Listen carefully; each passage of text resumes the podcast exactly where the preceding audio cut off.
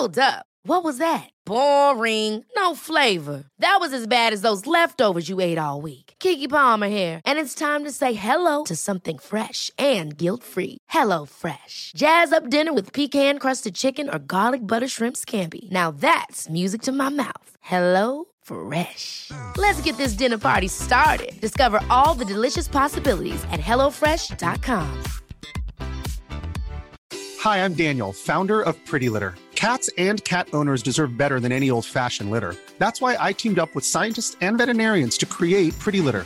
Its innovative crystal formula has superior odor control and weighs up to 80% less than clay litter.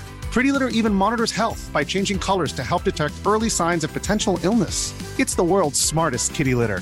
Go to prettylitter.com and use code ACAST for 20% off your first order and a free cat toy. Terms and conditions apply. See site for details. Millions of people have lost weight with personalized plans from Noom, like Evan, who can't stand salads and still lost 50 pounds.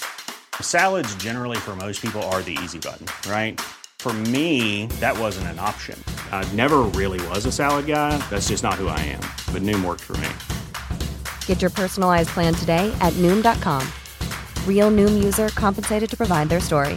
In four weeks, the typical Noom user can expect to lose one to two pounds per week. Individual results may vary.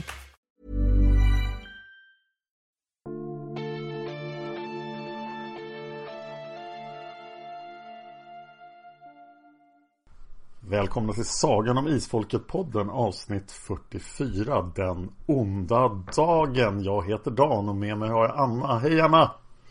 Hej Dan! Hej! Välkommen till Nöjesparken Isfolket-land där helt urspårade saker händer hela tiden. Ja! Ja, och där vi leker leken Vem försvinner nästa gång? Ja!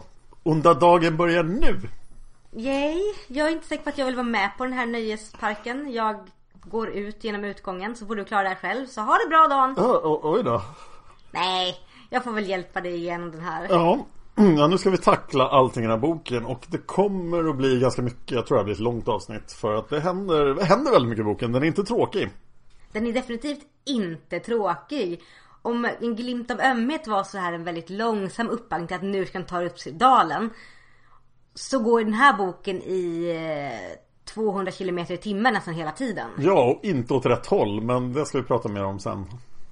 Ja, jag är ledsen Dan. Ja, men vi börjar i början helt enkelt. En liten eh, repetition av vilka som är med och ja, bra introduktion.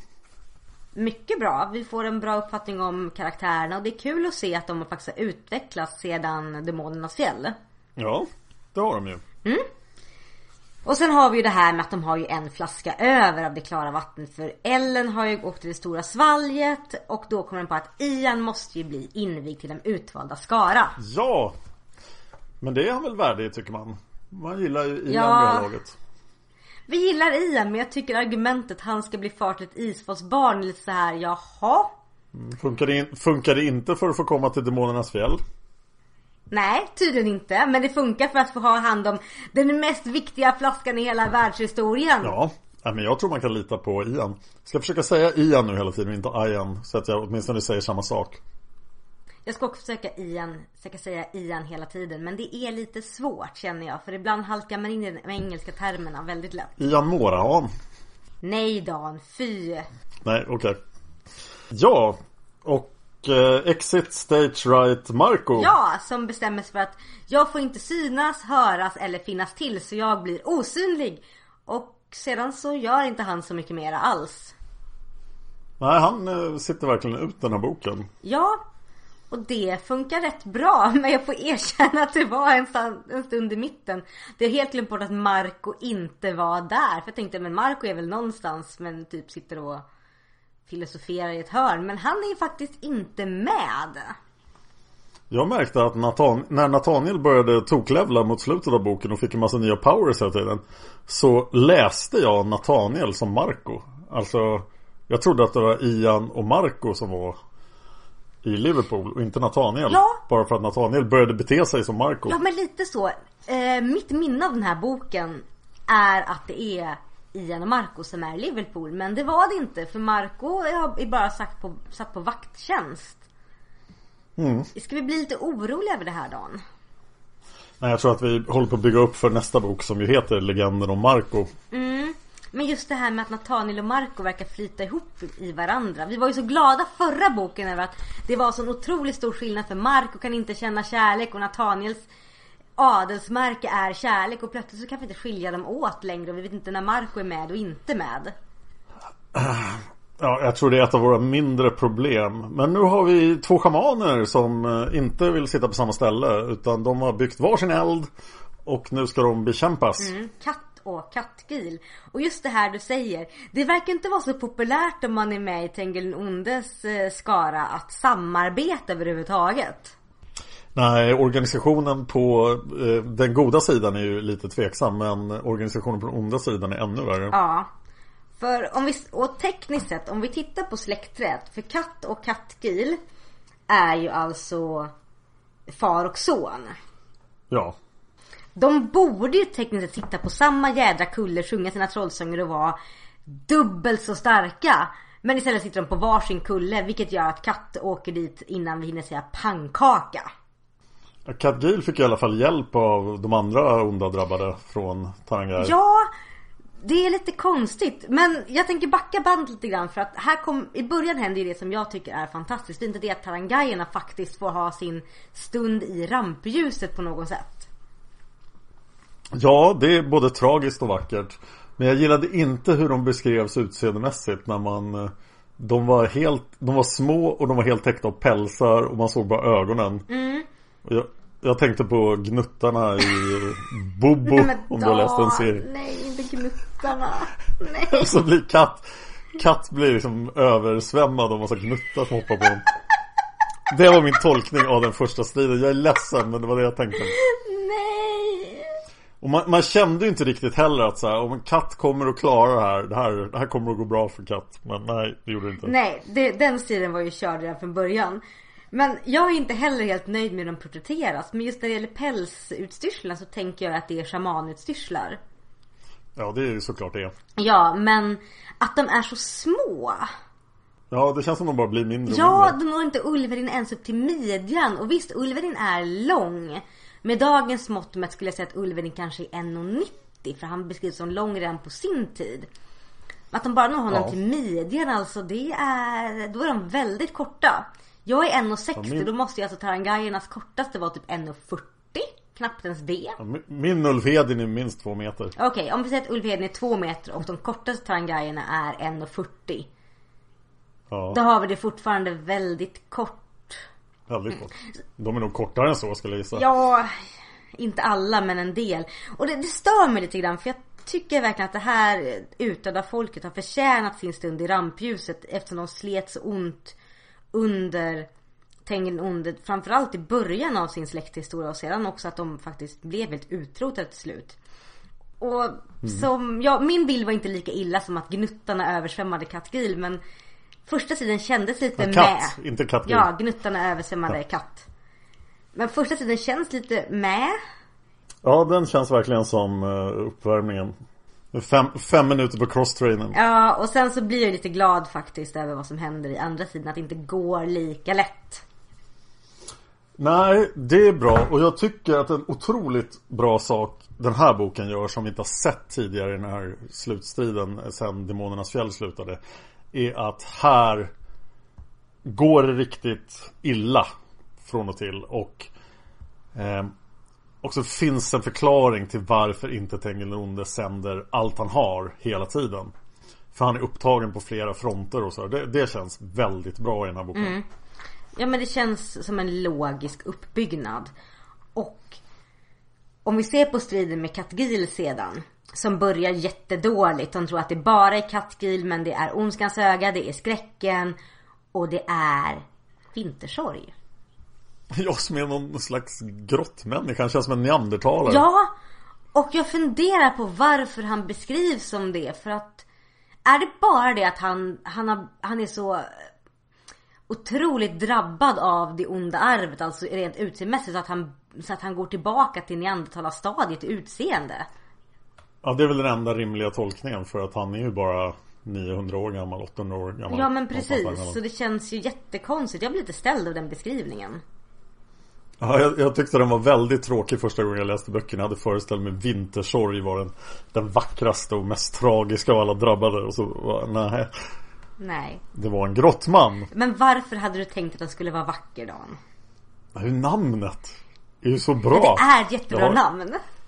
Jag har ju stulit det här namnet och använt det i massa olika sammanhang. För jag tycker det är helt fantastiskt. Ja, du har väl en live-karaktär som heter det, eller hur? Ja, Greve Vintersorg. Ja, just det, av Ek. Åh, det är en bra karaktär. Han är inte heller snäll. Eller är han snäll?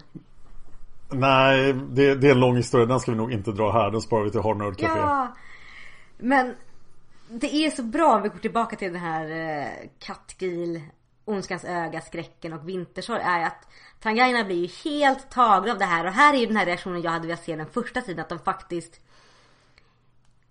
är jätterädda för de här onda drabbade med rätta för det här har varit deras onda gissel under deras eh, tid när de hade många drabbade. Det här har varit det som alla har fruktat, alla har varit rädda för och i senare generationer har berättat, har berättat skräckhistorier om de här drabbade. Det här är det här har varit ett reellt hot och deras onda ande i mer reell form kanske än Tengil Nonne. Ja. Och så blir det jättebra att det verkligen går på röven för Tarangajerna. Även fast jag hejar på dem så behöver vi faktiskt att Orn och Vassa ryker till det stora svalget. Jag gillade också motsättningarna mellan de onda och drabbade och att de följde den lilla karaktärsbeskrivning de hade. Mm. Jag vet inte, det kändes som de verkligen var så här. Jag gjorde ont i min livstid. Jag vill göra mer ont i min dödtid.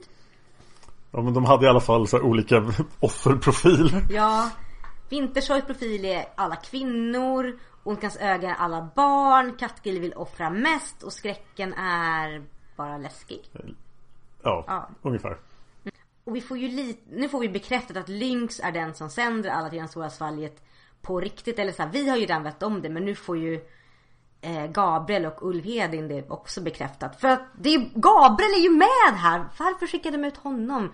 Jag förstår det ur ett teoretiskt eh, perspektiv men Ja, Jag tyckte det var lite episkt faktiskt. Att det här är Tarangajernas sista strid. Den måste dokumenteras. ja okej det är fint.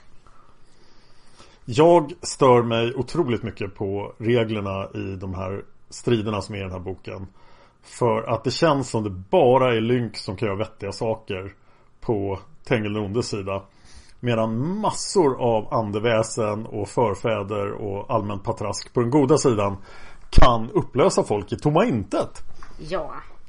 Så plötsligt gäller inte odödlighetsreglerna för dem. Men ingen på andra sidan verkar kunna göra det riktigt. Inte ens tidens herrar. Nej, utan den onda planen är alltid så här släpa folk till Lynx. Han måste ha jättemycket jobb att göra. Dela ut flera sådana där ta folk till Stora Svalget vapen. Ja, och det känns också som att eh, Katgil, Vinters och Ondskans öga och skräcken istället för att vara så fokuserade på att vi ska offra alla människor vi stöter på på det mest horribla sätt. De kan ju också mana. Hade det inte varit bäst om de typ manade bort några och sen tog resten. De verkar vara så otroligt enkelspåriga. Jag tror ju att de faktiskt kan mana folk till tomma intet precis som Tarangainas goda shamaner. Men att de bara inte tänker på det för de vill ha sin sadistiska nöjespark.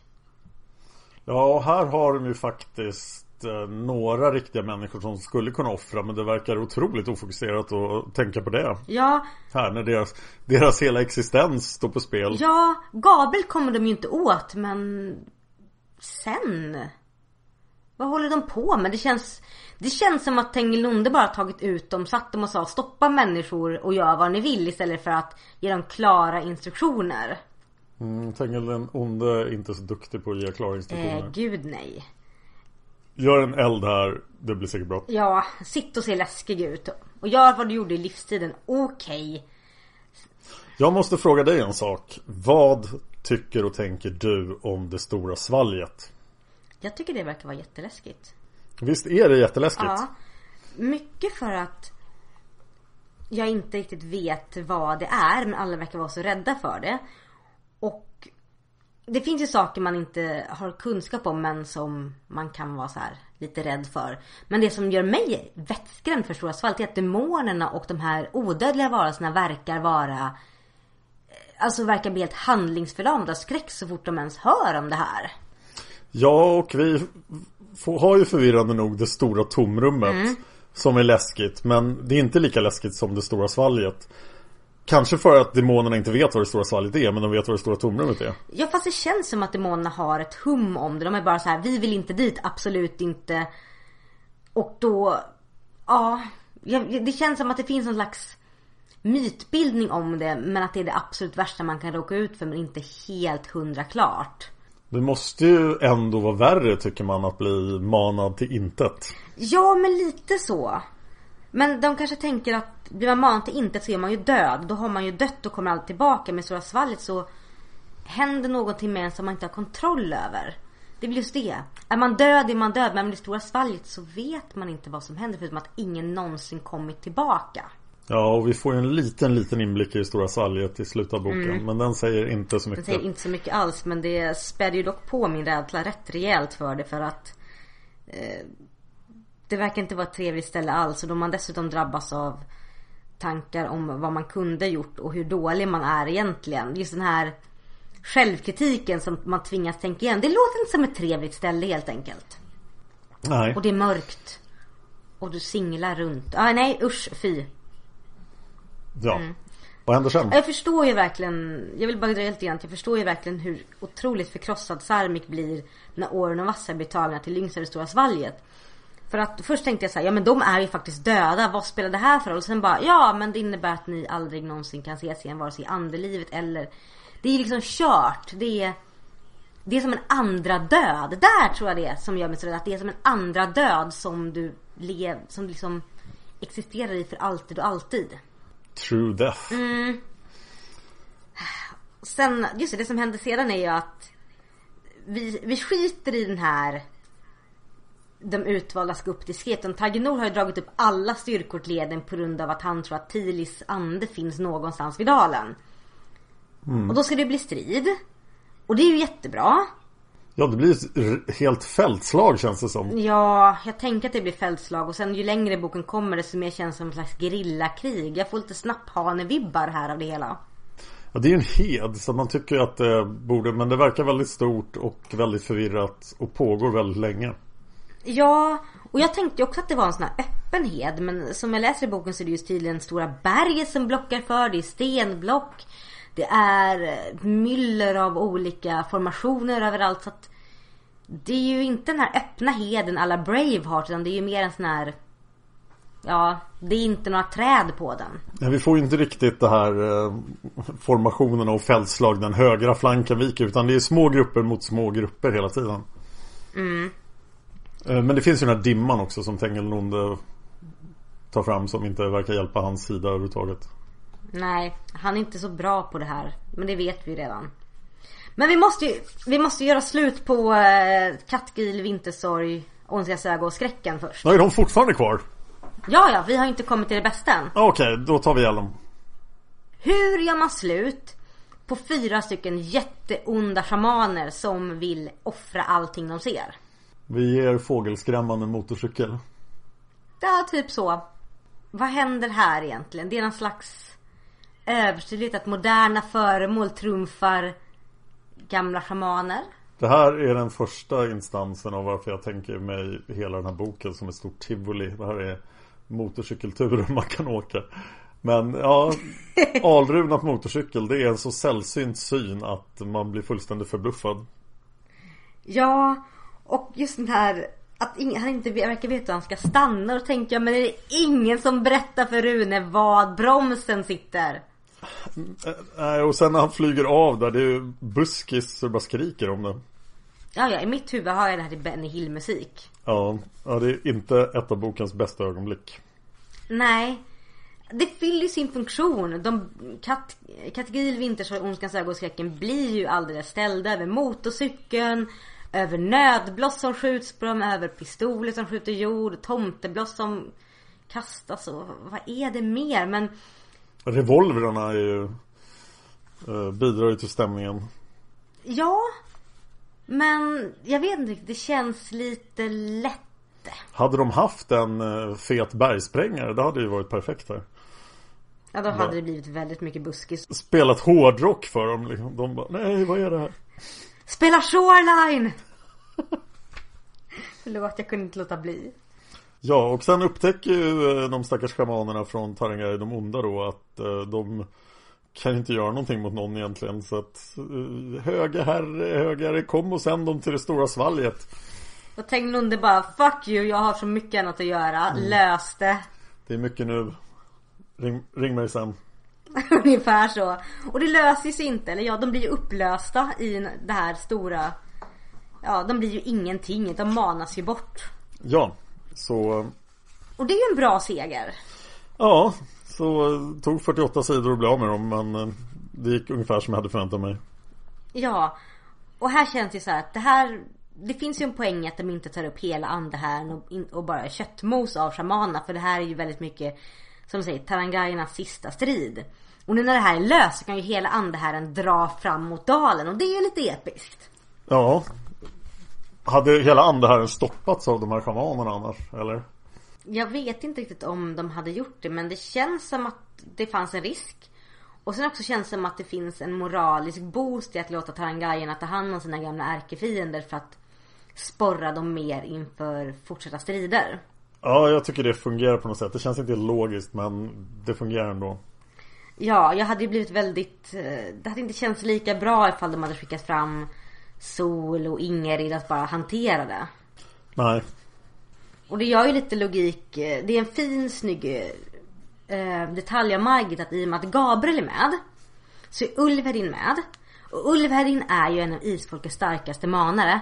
Som han har lärt sig via att isfolksgrenen från Tarangai faktiskt finns. Ja. Så det är en snygg detalj att han är med. Mm, det gillar vi.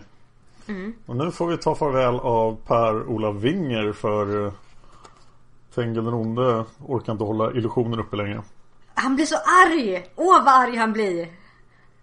Jag tänker att han blir så arg så han bara stampar i marken och allt ramlar av honom och han blir ful och liten. Ja. Men det berör inte Lynx så mycket. Nej, för Lynx är en fisk. Ja, lite grann. Ja, inga känslor, totalt uttryckslös, är bara så här. Nej, ja, jag är inte förvånad eller överraskad. Jag är bara Lynx. Och här får vi ju svar på en av mina stora frågor. Okej. Vad har Tengil onde på sin sida? Och det visar sig att han har alla onda människor som är krigare från historien. Typ. Ja. Och det sägs ju också mellan raderna att han kan hämta fram dem hur han vill. Men att han också har gjort alltså mycket förarbete genom att knyta olika onda makter till sig. Och det höjer ju lite min respekt för honom. Han, låg inte ba- han var inte bara ute i världen och vandrade och dödade folket. Han gjorde faktiskt lite arbete. Men vart plockar han de här människorna ifrån? Ja, det känns ju som en besvärjelse som kan ta fram 5000 elaka krigare eller hur många de nu är. Det framgår ju väldigt otydligt hur många de är. Åh, det känns som en karamell. Åh, oh, Dan, det är en karamellbutik. Ja, lite grann är det det. Ja men tänk den onde är så här, jag vill ha 500 geléhallon. Och geléhallon i det här fallet är då conquistadorer. Ja. Sen så frågar de bara så här, ja okej, du får 500 geléhallon. Vill du ha lite blandat lösgodis, en påse gott och blandat? Absolut. Och då är det ungefär, du får 200 conquistadorer, 200 SS-soldater, 300 av de här. Ah, ja, du får ett lite blandat här. En mix. Och det känns ju som någon slags politiskt ställningstagande från författarna här också. Att vi får conquistadorer, vi får SS-soldater, vi får vikingar, vi får främlingslegionen. Och jag kan ju inte direkt anmärka på något av valen men känns ändå utmärkande att det, det är just de här. Ja. Och några Ja, tartarer var de. Ja, tartarer och sedan var det... Vad var det mer för några? Som var så läskiga att Ivan den förskräcklige sl- slogs mot dem men han är inte med här. Han var inte tillräckligt ond.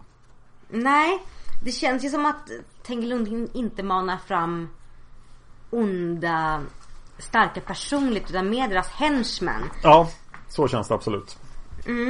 Men det är inga ryssar. Inga ryssar tror jag. Så de klarade att de var inte onda nog. Det är bra. Nej. Sådär. Men jag måste också ta upp en sak här som vi faktiskt får svart på vitt nu. Vi har ju klagat lite grann i tidigare poddavsnitt om att just när slutsidan har dragit igång så har isfolket väldigt svårt att behålla fokus på så kallade huvuduppdraget. Ja. De blir lätt ivägdragna på sidospår. Men nu får vi det ju svart på vitt här att både Tagenor och Nathaniel och nu även då eh, vad heter han? Sarmik. Ja.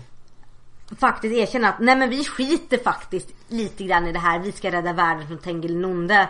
Eh, vårt mål är nu, vi ska ta hem för våra familjemedlemmar som har dött. Och konstigt nog verkar de göra det genom att faktiskt fokusera på sitt riktiga uppdrag. Ja, och det är det som jag tycker är så fint. För jag minns att jag läste nu, jag satt och läste den här boken tidigare idag. Så blev jag så här, åh nej, Sarmi förlorar sina söner, nu kommer han bli jättekänslomässig över det här, det kommer inte gå bra. Men som du säger, de får ju, verkar ju få mer, eh, vad säger man? Fokus. Mer, ja, mer fokus och vilja att faktiskt göra detta. Och jag funderar på, det kanske är någonting man faktiskt behöver om man ska faktiskt ge sig ut och rädda världen. Att man behöver inte bara se till det stora hela utan faktiskt blir personligt. Ja, och det gör ju en starkare berättelse också så att jag tycker det fungerar utmärkt. Det fungerar jättebra. Först var jag lite grinig över att, men Tagenor för i helvete, din syster har varit död i hur många århundraden som helst. Kan du inte fokusera? Sen bara, fast i och med att han faktiskt gör det här så får ju isfolket jättemycket hjälp. För att de utvalda inte haft någon chans att ta sig fram till dalen annars. Nej. Så att eh, det lilla målet, sidouppdraget, blev jättebra för huvuduppdraget. Ja, det var en lycklig slump. Mm. Jag ska aldrig mer gnälla över sidouppdrag. Eller jo, det kommer jag göra. Men... Eh, och här har vi då, upptäcker vi också att Tengil kan inte bara få fram de här arméerna av eh, otäcka människor från forntiden. Han kan också kalla in diverse onda gudomar. Ja. Jag tycker han kanske borde ha fokuserat mer på det. Men det verkar som att han är lite Han är lite rädd att de ska ta över eller något och kanske är lite försiktig med dem. Utan de får väldigt specifika uppdrag. Istället för att bara fylla hela heden med onda gudar. Ja, för det är ju så att i och med att han varit vid ondskans källa så har han ju makt över andra onda gudomar på ett annat sätt. Och det har vi ju sett i Färgkaren, bok nummer 32. Just det. Med eh, Nertus Tyr. Men det som man kallar fram här, det är ju Kali och hon är ju en... Till skillnad från Nertus Tyr så är ju Kali en gudom som faktiskt har miljoner tillbedjare idag. Ja. Och är en reell farlig kraft. Så jag tror du har helt rätt Dan. Han är nog rädd att de ska ta över. För han har makt att tillkalla dem men han verkar inte riktigt makt över hur de gör saker. Nej, och jag tycker Kali här när hon dyker upp är väldigt konstig i sin natur. Mhm. Hon är så här inte riktigt där och folk ser stenar istället för henne och jag fattar Ja, det- ingenting. Jag funderade just på det där. För att eh, det blir så att Rune och Hallkatla är totalt inte på sin vakt. Så de blir ju tagna och släpar till Kali. Och då ska ju Ingrid och hennes demoner ge sig ut och rädda dem. Men när de hittar Rune och Hallkatla så ser de ju inte vad de ser. Utan de ser att de står, som du säger, i en dal framför en hög sten, massa andra stenar. Och det får mig att bli så här, men gud tänk ifall isfolket drömmer det här. Tänk ifall de bara har världens största tripp på svampar. Och det inte alls finns. Jag menar, Åh, nej. finns Kali, ja, finns Kali på riktigt? Eller är Kali bara en stor sten som Hallkatla står och skriker på? Ja, varför är Kali mindre verklig än eh, nattdemoner och stormdemoner? Ja, Det förstår inte det jag riktigt. Nej, och det känns som att de förflyttas till någon annan värld. De inte är i dag, att de inte är i Norge när de är i Kalis tempel. Men samtidigt så är det så att om de inte var i Norge, Mm. de förflyttas till Kalis tempel, då skulle inte Rune och Halkar kunna vara där. Så är det en illusion de har byggt upp av Kalis tempel? Eller är Kali inte där? Ja, jag kan inte svara på det. Utan jag, jag blir bara förvirrad. Jag vill, Jag blir jätteförvirrad. jag vill prata lite om tuggerna. Eller vad, man, vad de nu heter på svenska. Jag vet inte vad det svenska ordet är. Tuggs står det här. och Det känns ju inte Jag säger, korrekt. jag uttalar som tagg, så det känns jättefel. Ja. Eh, Den här stryparsekten då är, är en ganska fascinerande företeelse och Margit har ju helt rätt i allting hon skriver om det. Det Nice. finns en, en ledare där som är en av dem som aspirerar på titeln och var världens värsta seriemördare. Eh, som jag ska återkomma till i seriemördarpodden. Men jag har studerat honom och tuggarna lite för att jag Det här är en otroligt märklig historia att de fick ha ihjäl så mycket folk. Mm. Och de var otroligt skickliga på det. Men de har ju tagit Rune och Halkatla som de inte kan döda. Och, Klantigt. och då måste då borde ju orden vara okej, fångar ni någon ni inte kan döda, ta dem till Lynx. Han kan fixa det. Men Kali kan ju inte fixa det. Nej. Utan Kali beter sig ganska konstigt tycker jag också. Vad, vad sysslar de med?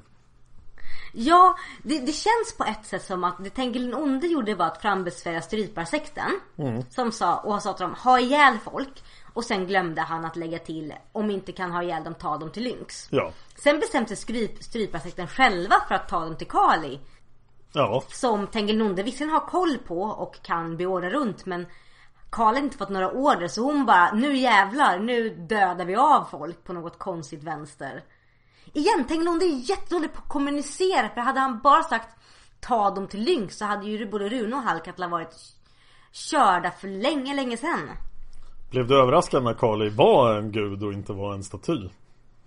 Nej, Nej. inte direkt. Och det, var, det beror ju på att jag tycker väldigt mycket om hinduismens eh, sagor och sägner. Så jag var ju redan innan jag läste den här boken första gången väldigt inläst på just hinduismen och Kali. Så jag blev jätteglad på något bisarrt sätt. Jag bara ja vad härligt! Vi får se henne i action! Men som du säger, hon beter sig jättekonstigt. Ja och eh, De här demonerna har inga problem att ha ihjäl tugger tydligen För de kan ju förninta folk hur de vill Ja Ja. Jag får bara peka ut en liten, liten detalj här. Som, som jag störde mig på nu när jag läste. Ja berätta Och det är det att Ingrid och hennes demoner kommer ju dit. Inser att oh fuck det är Kali. Hon är en gud. Vi kan inte göra så mycket. Eh, Ingrid ta dem Rune och Halkat och spring. Och demonerna försöker på något sätt bara hantera igenom det. Och sen börjar de tånta då Kalis make Shiva. Att ja varför ligger du där och låter henne trampa på dig? Och grejen varför han ligger där och blir trampad på är ju för att Kali höll ju på att ta ihjäl hela världen. Okej När hon stred, eh, stred mot den här demonen som Margit berättar om den här eh, demonen i Ancient Times vart blod föll på marken så växte upp två nya. Ja Det stämmer men efter det så var hon så blodtörstig att hon gav sig ut för att förstöra hela världen.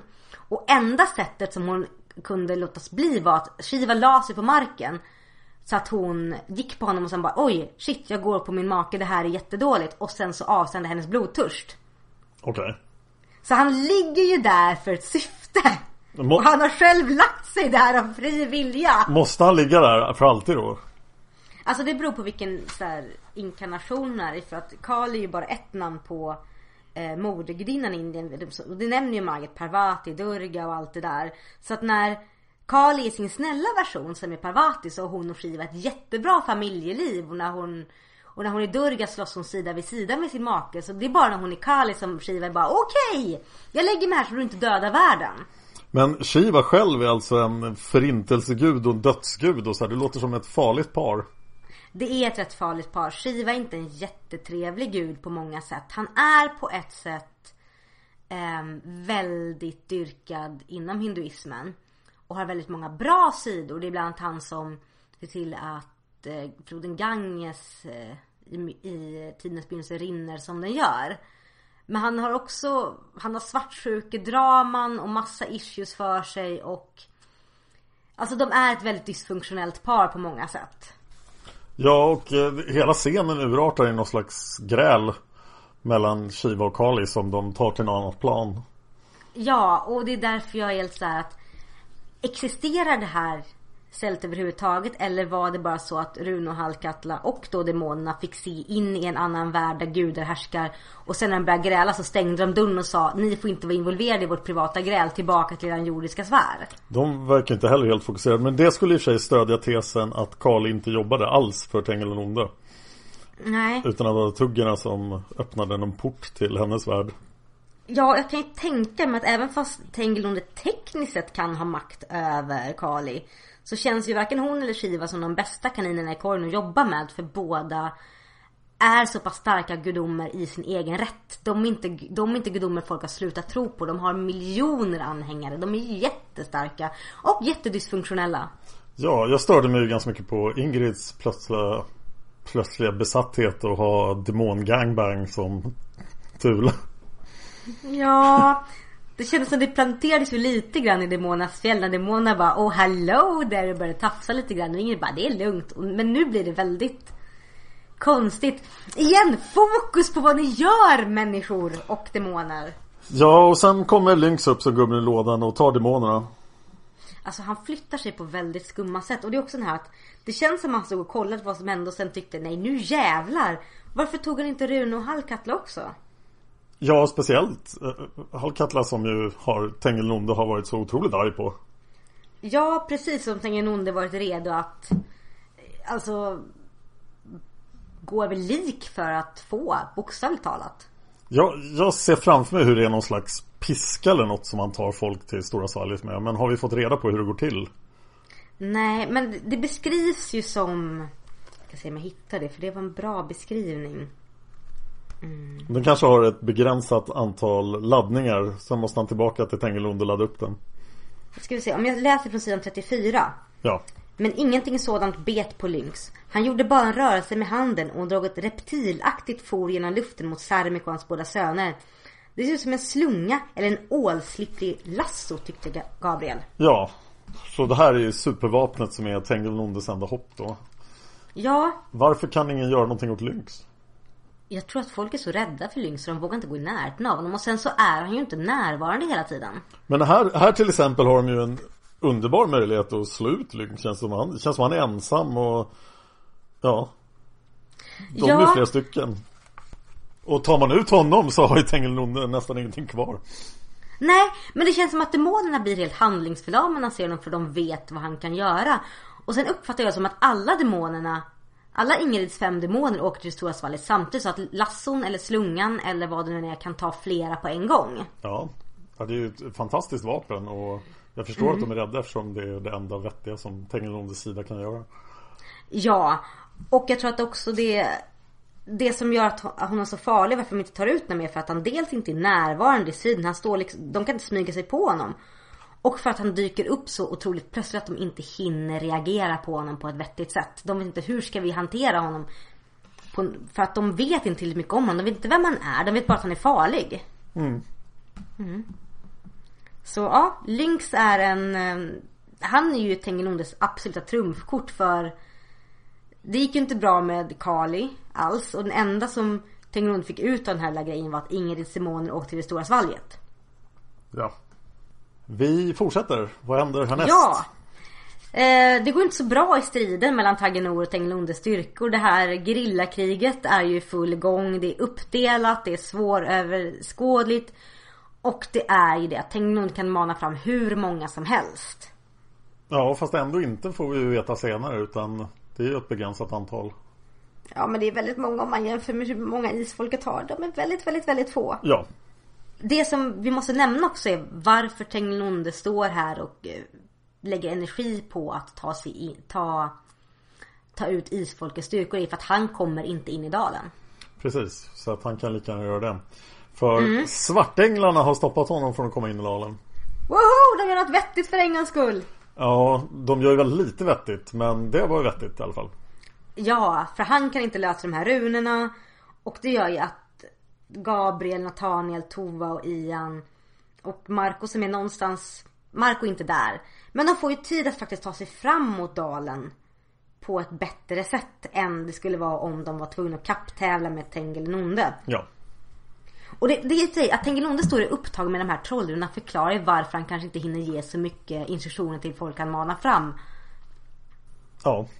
Just att svartänglarna inte ingriper känns ju väldigt cyniskt på något sätt. Att de låter allt det här hända. Ja. Och inte gör någonting. Men de kanske har rätt i det att de måste förbli dolda. Ja, för att det är det att det som jag tänker just speciellt med de här trollrunorna och dalen att Tengilonde känner inte till vart de kommer ifrån. Men han har bevisligen förmåga att hämta fram eh, onda varelser han inte har liksom känt till under sin livstid. Han kan säkert hämta fram kunskap också. Så om det blir känt att Svartänglar är med i striden så kanske han hade kunnat lösa de här runorna på ett väldigt mycket snabbare sätt. Vilket hade varit väldigt dåligt. Väldigt dåligt.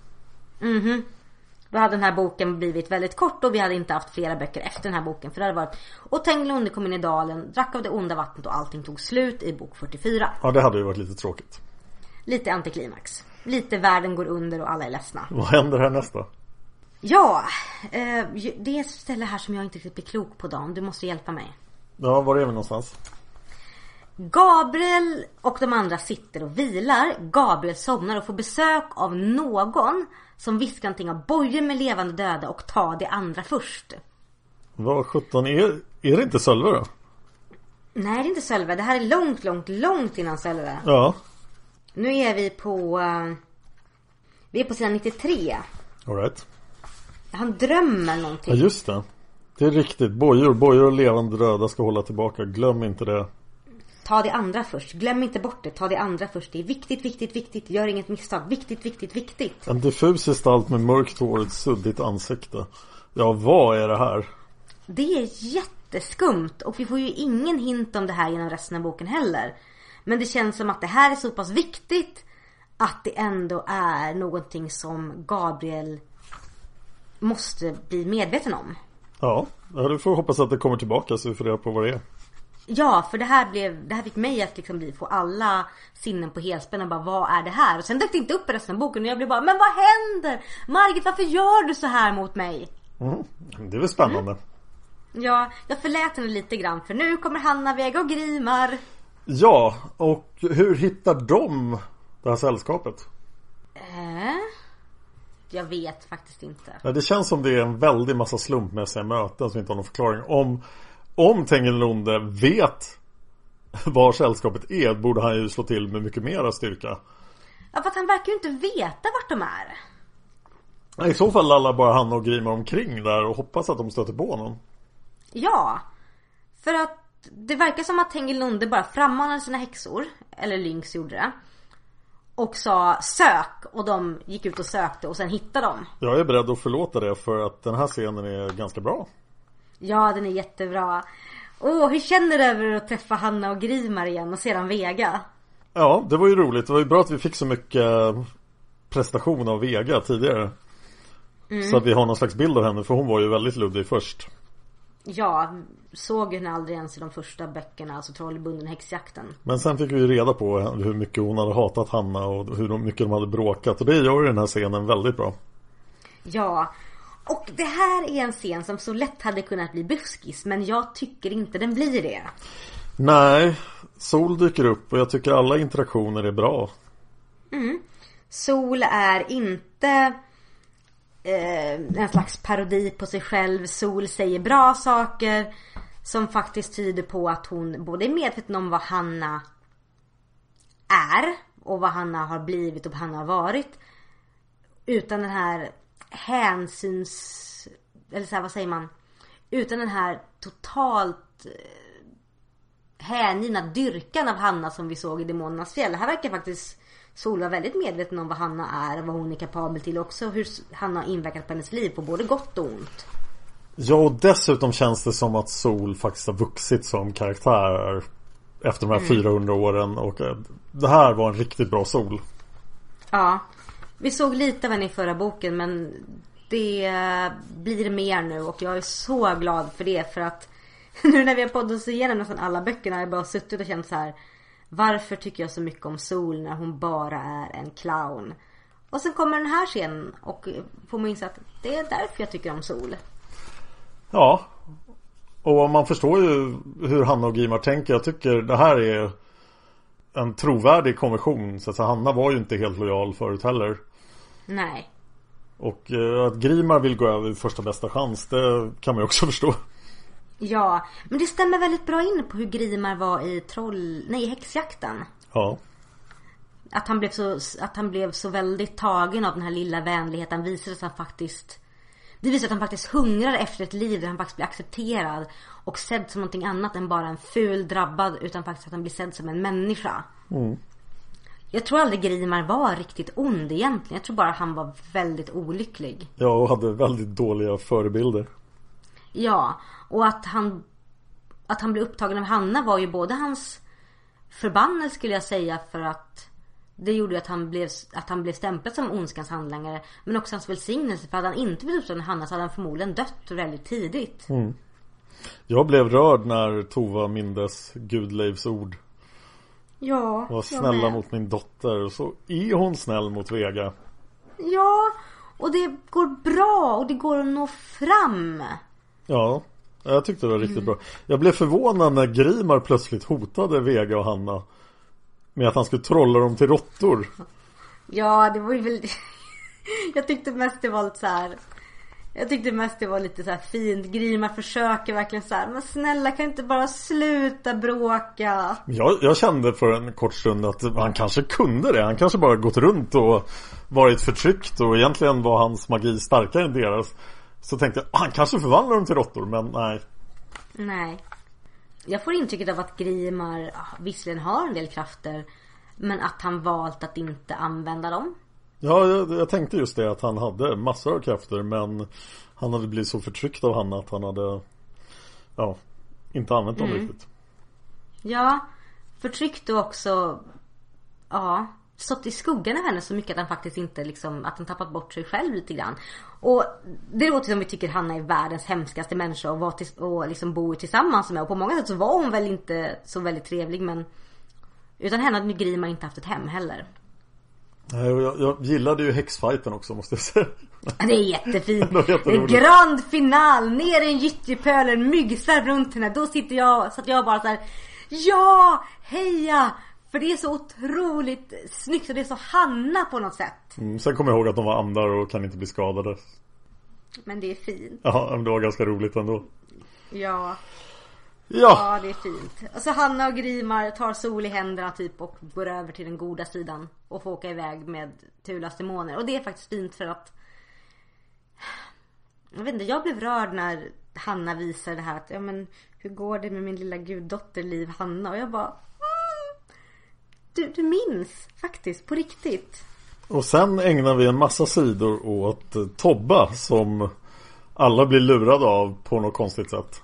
Alltså kan vi prata om hur jädra dumma i huvudet alla män just nu i den där scenen var.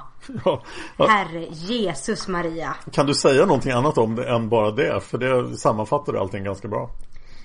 Alltså för det första så är det så här. Lyssna på när folk har lite misstankar mot någon.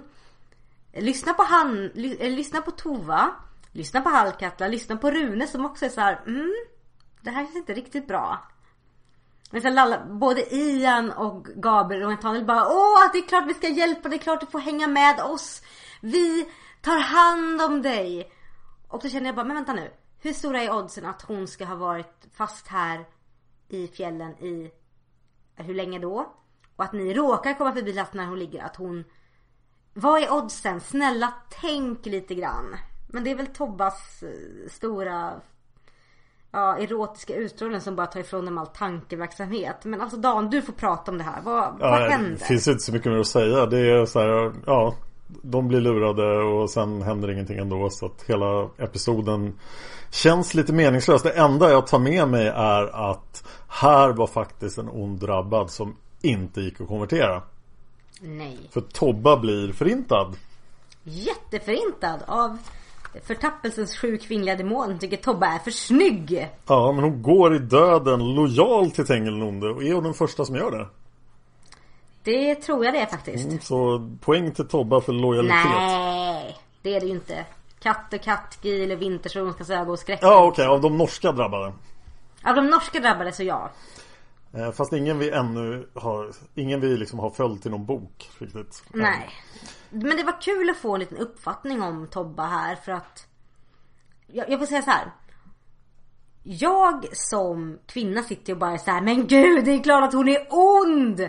Herregud hon skriker ondska den här lilla Pimpinetta eh, tjejen som är som har de här stora ögonen som bara typ skriker jag är oskyldig och söt titta på mig. Ja. Vad, vad fick du för tankar då? ja men så var det väl Ehm, Jag tänkte springa iväg på ett sidospår här. Ja, gör det. Jag- det- När jag tänker på Tobba så kan jag inte annat än att se Tobba i Svenska Isfolksföreningen framför mig. För vi hade ju en del Isfolks live. Där jag spelade den onde mossmannen Tar. Ja, ta Ja, och eh, Tobba var en ivrig anhängare av Mossmannen Tar och vi hade ett lysande samarbete där vi Ja, där ondskan triumferade på ett live. Och det var roligt. Den beskrivningen av det livet var jag tvungen att ta bort från nätet. För styrelsen tyckte men det här ger en felaktig bild av föreningen. Och det är allting jag ska säga om det livet i den här podden. Så fråga mig om det någon gång om ni vill höra mer detaljer. eh, vad händer sen då? Ja, det som hände sen är ju att... Eh, ja, ska vi säga att Tengelunde blir jättearg för ingenting går vägen. Hanna och Grimer har gått över. Han inser att han tappar folk. Så det är lite bra. Vi ser liksom att haha Tengelunde det går inte din väg. Men sen så får vi också reda på att det går på röven för Tagenors trupper igen. Ja just det, och Vega lurar ju Tengel här också. Vega inser väl där någonstans att vänta nu. Tengelnunde kanske inte är den här drömfiguren man har målat upp utan han är faktiskt självisk, dum i huvudet, ful och totalt utan omtanke om de som faktiskt jobbar för honom. Ja, Och det är ju bara, det är ju liksom bra orsak till att faktiskt göra uppror eller på det här sättet faktiskt att göra en försiktig liten revolution, peka folk åt fel håll. ja det var diskret och hon klarade sig ju så att det var ju nog alldeles lagom mycket. Men vi måste ju beta av vilka vi blivit av med sedan vi sist gjorde en återkoll hos Tagenors trupper. Ja, vilka har vi blivit av med? Ja, alltså Estrid. Just det, ja. Lite, lite rolig scen så här. De Ja, gick skrattandes in i det stora svalget. ja, det kändes som att det, det passar dem. Trond och hans herrelösa som alla for till det stora svalget. Eller ja, 15 av hans herrelösa. Ja, de andra sprang och gömde sig. Ja, totalt chockskadade. Det är ju... Det är ju intressant där. Isfold har så många demoner på sin sida men de blir ju helt handlingsförlamade av det stora svalget.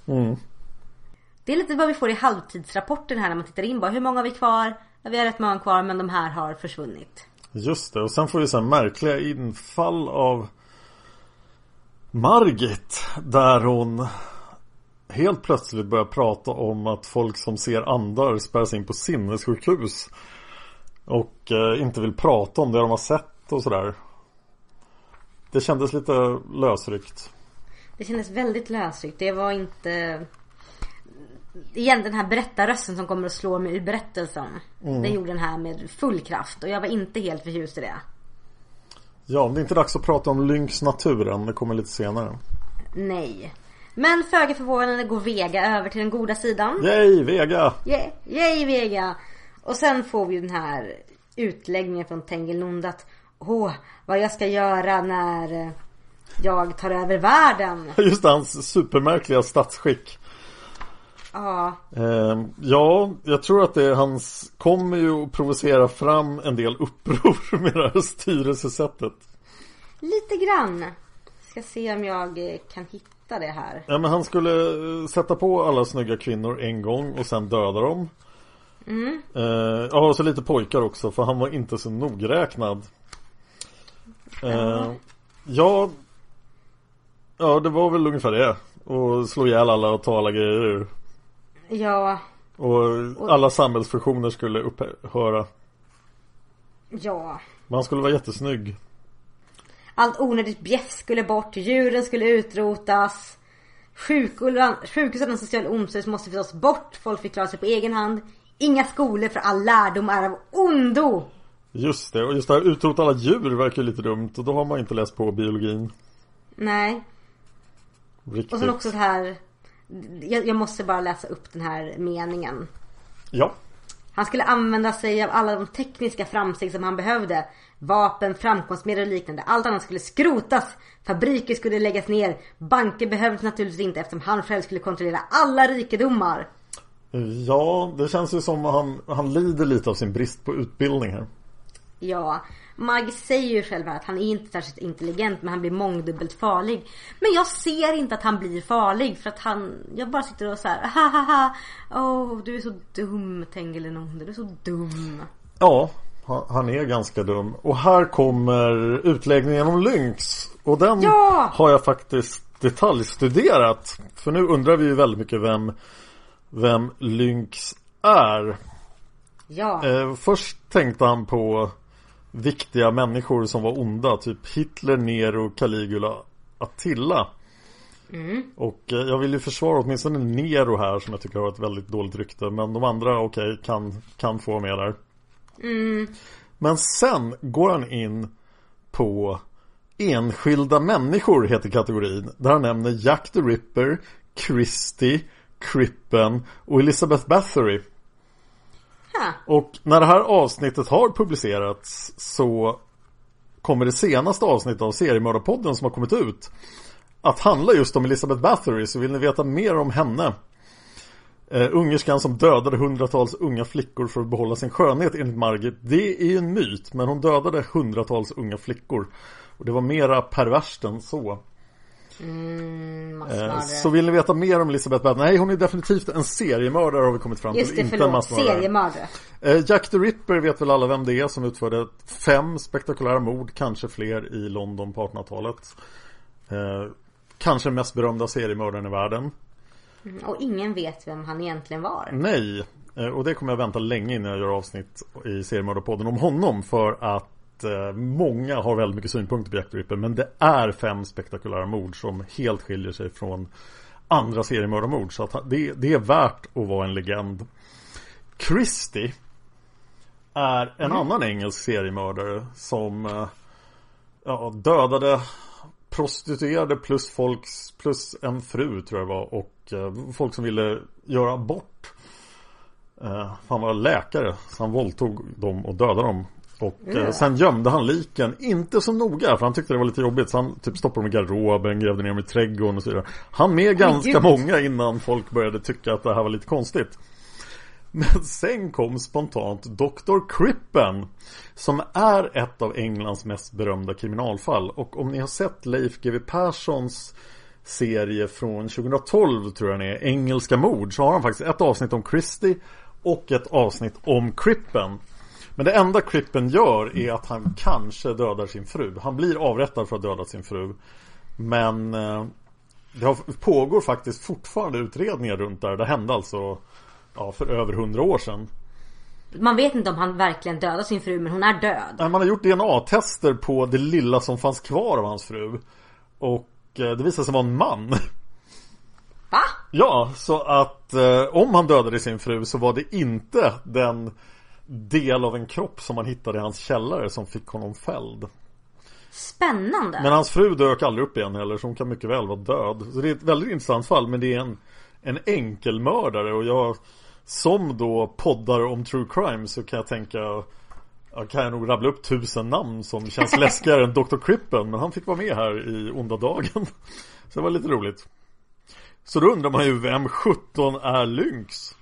Ja, det vi vet av, Lyn, av Lynx är att Lynx är ju ingen levande människa. Nej, han verkar död. Ja, och det sägs också på sidan 134 så sägs det Inga levande fanns bland Tengilondes skaror. Det. Och det tänker jag tolka som att Lynx inte heller är en levande människa. Han är någon som Tengilonde har hämtat fram. Lynx är en jätteond människa som har dött och som Tengilonde har väckt upp. Och han säger ju att han är skyldig Tengilonde livet. Alltså att han skulle inte ha någon existens om det inte var för Tengilonde.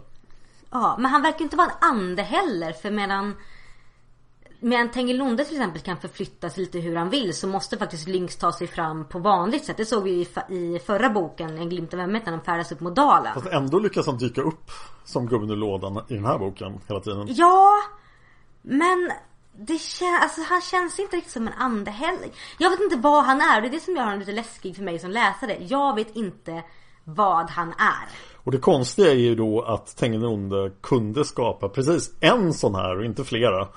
Nej. Och att han kunde göra ett sånt här fruktansvärt stora svalgetvapen men inte fler av det. Så att han har verkligen satsat alla kort på Lynx och hittills verkar det ju fungera.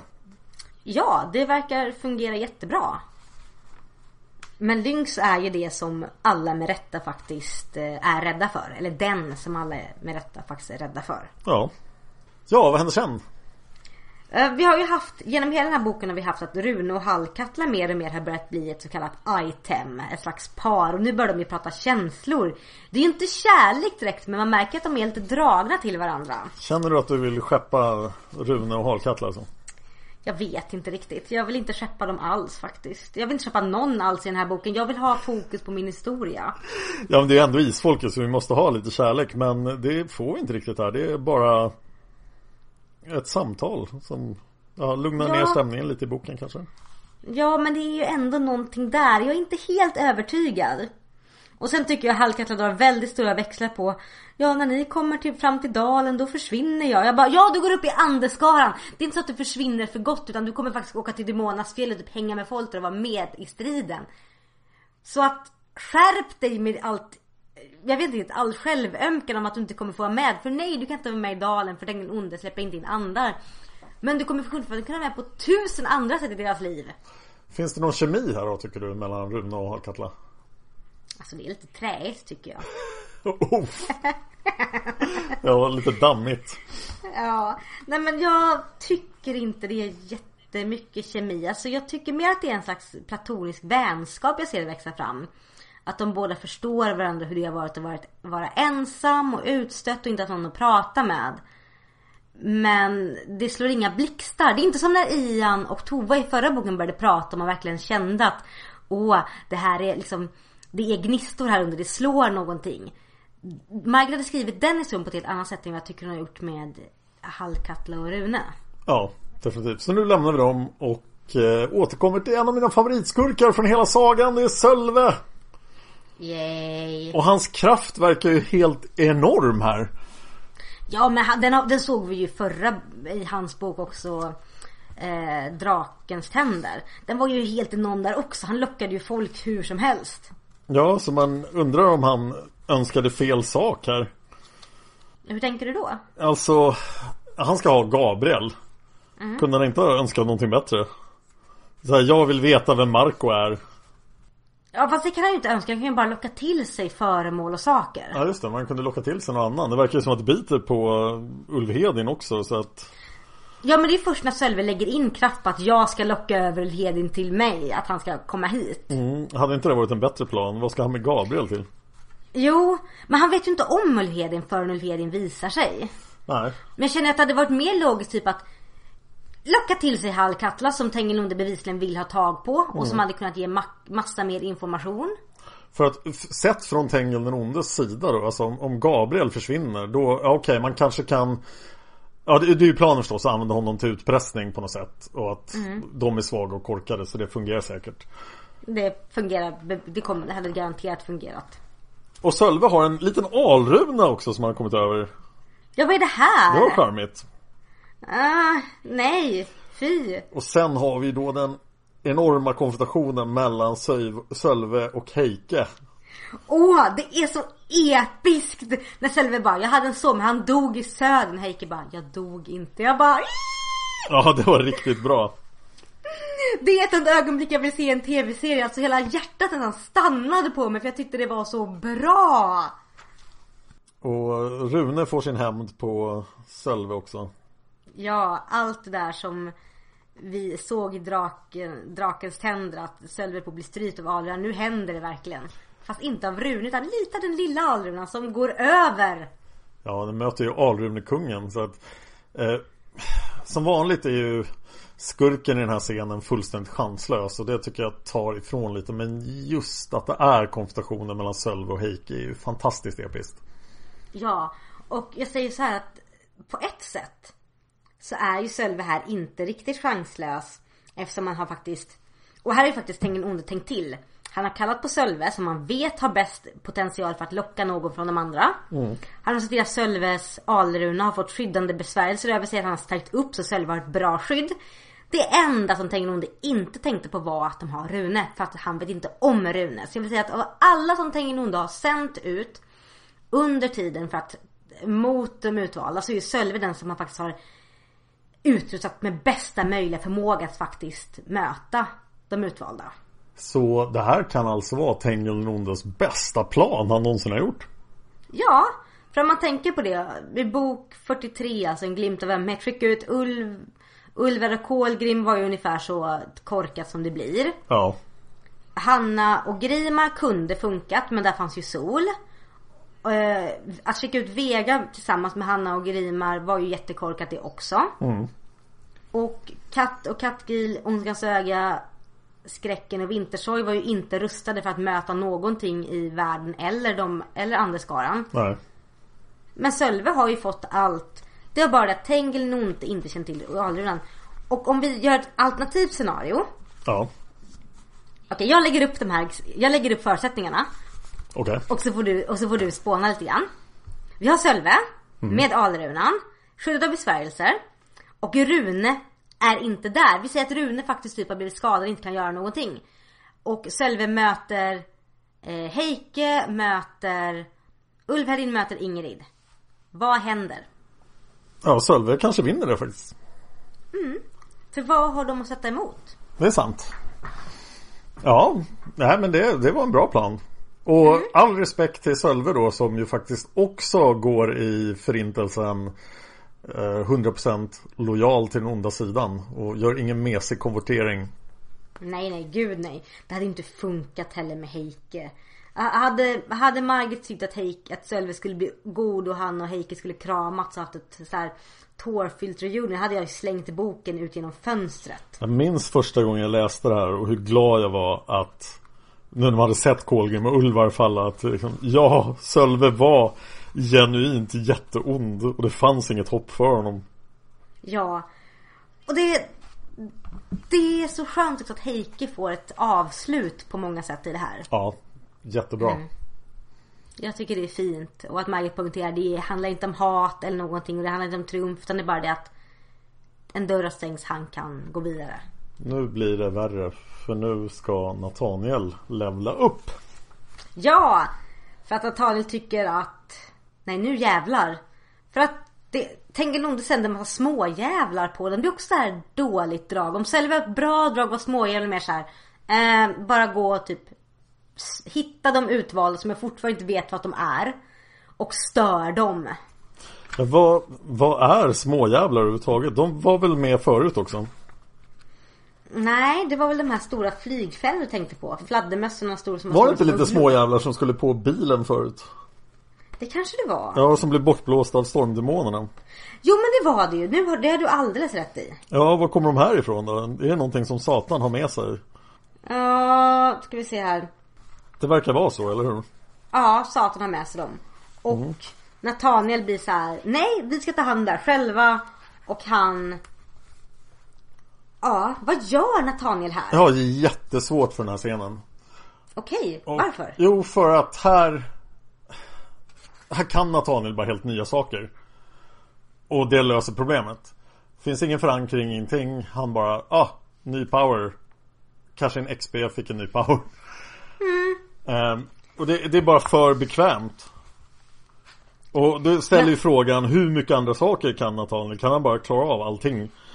Jag tror Nathaniel kan klara av i princip allting för att han har svartänglat blod i sig. Mm. Han har stormdemoners blod i sig. Han är en sjunde sons sjunde son och han är den utvalde.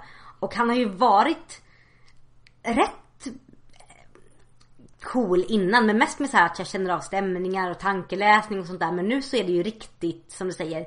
Nu är det level på flera nivåer hela tiden och nu så nu så besvärjer han småjävlarna så de flyger bort. Han suddar ut dem med stum. Han suddar ut deras minne och slår dem med stumhet och allt möjligt. Jag tror inte det finns någon gräns för vad Nathaniel kan. Nej, och det här tycker jag helt förtar dramatiken i boken att Ja, så här, vad kan han? Varför, kommer han bara lösa alla problem? Det här Ja, nu känns också Tengelronde helt chanslös och den goda sidan alldeles för stark Vilket jag tycker är det fundamentala problemet Med ja, tre böcker i rad nu.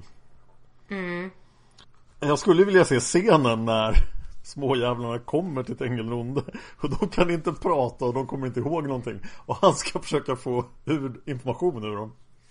Ja, och de bara mm, mm, mm, mm, Nej, Nej, det sig, går de, inte. de var nog smarta nog att inte gå till honom kanske. Ja, det känns som att småjävlarna bara Fuck this shit. Oh. Och sen kommer Ja. Marco tillbaka Han är omgiven av svagt blålysande dansande eldslågor bara, Vad är det som händer? Alltså är Marco... Ja, ja, alltså det finns så mycket brott mot det här. För Marco får ju inte använda sina krafter som svartängel. Har vi hört till leda. Ja. Men han kan göra sig osynlig och bli omgiven av blålysande eld utan problem. Ja, och så okej nu har Nathaniel blivit obalanserat mäktig och här är Marco tillbaka också. Så att, ja. Men Nathaniel är fortfarande mer människa. Om Nathaniel får lov att vara obalanserat mäktig. Men Marco har ju fått sina begränsningar på sig så många gånger. Så, och jag säger så här att han får vara hur mycket människa han vill men vanliga människor blir inte osynliga och vanliga människor omges inte av ett blå skimrande ljus. Nej. Vi går vidare direkt helt enkelt. Ja. Och här kommer det roliga. Vi har haft en dålig dag i striden. Men nu kommer det kuliga att Tamlin träffar ju på Satan. Ja, men innan dess händer det saker också. Vad hände innan dess? Ja, Villemo, Dominic Niklas och Siljes demoner är ute i fighten. Och Alltså vad, vad, vad gör Niklas där? jag noterar att Niklas inte gnäller någonting. Eh, det stod att han gjorde någonting, nu måste jag läsa här. Han, han tyckte inte om att slåss, så att han kanske gnällde om det i och för sig. Jag tänker på att han står i ett hörn och bara Jag vill inte slåss, det får någon annan göra. Och Dominic och Willem bara fine. Bara du inte går i vägen och så, typ, så kör Dominic sin tankeläsning.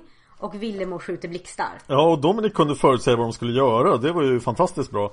Men så kommer Lynx eh, som från någonstans och han tar ju bort Villemo och demonerna. Han struntar i Niklas, vilket man ju kan förstå. Ja för Niklas är jättedålig. Men han struntar inte i Dominic. Tycker, han kanske inte förstod vad Dominic höll på med. Dominic stod bara där och såg konstig ut. Ja precis. Det är ju en stor skillnad på eh, tjejen med rött hår som skjuter blixtar och mannen står i bakgrunden och inte verkar göra någonting. Ja just det, och de slogs mot eh, Främlingslegionen. Tada! Ja. Tadam. Och det är tur att svalget är så stort. För nu börjar det bli folkstockning.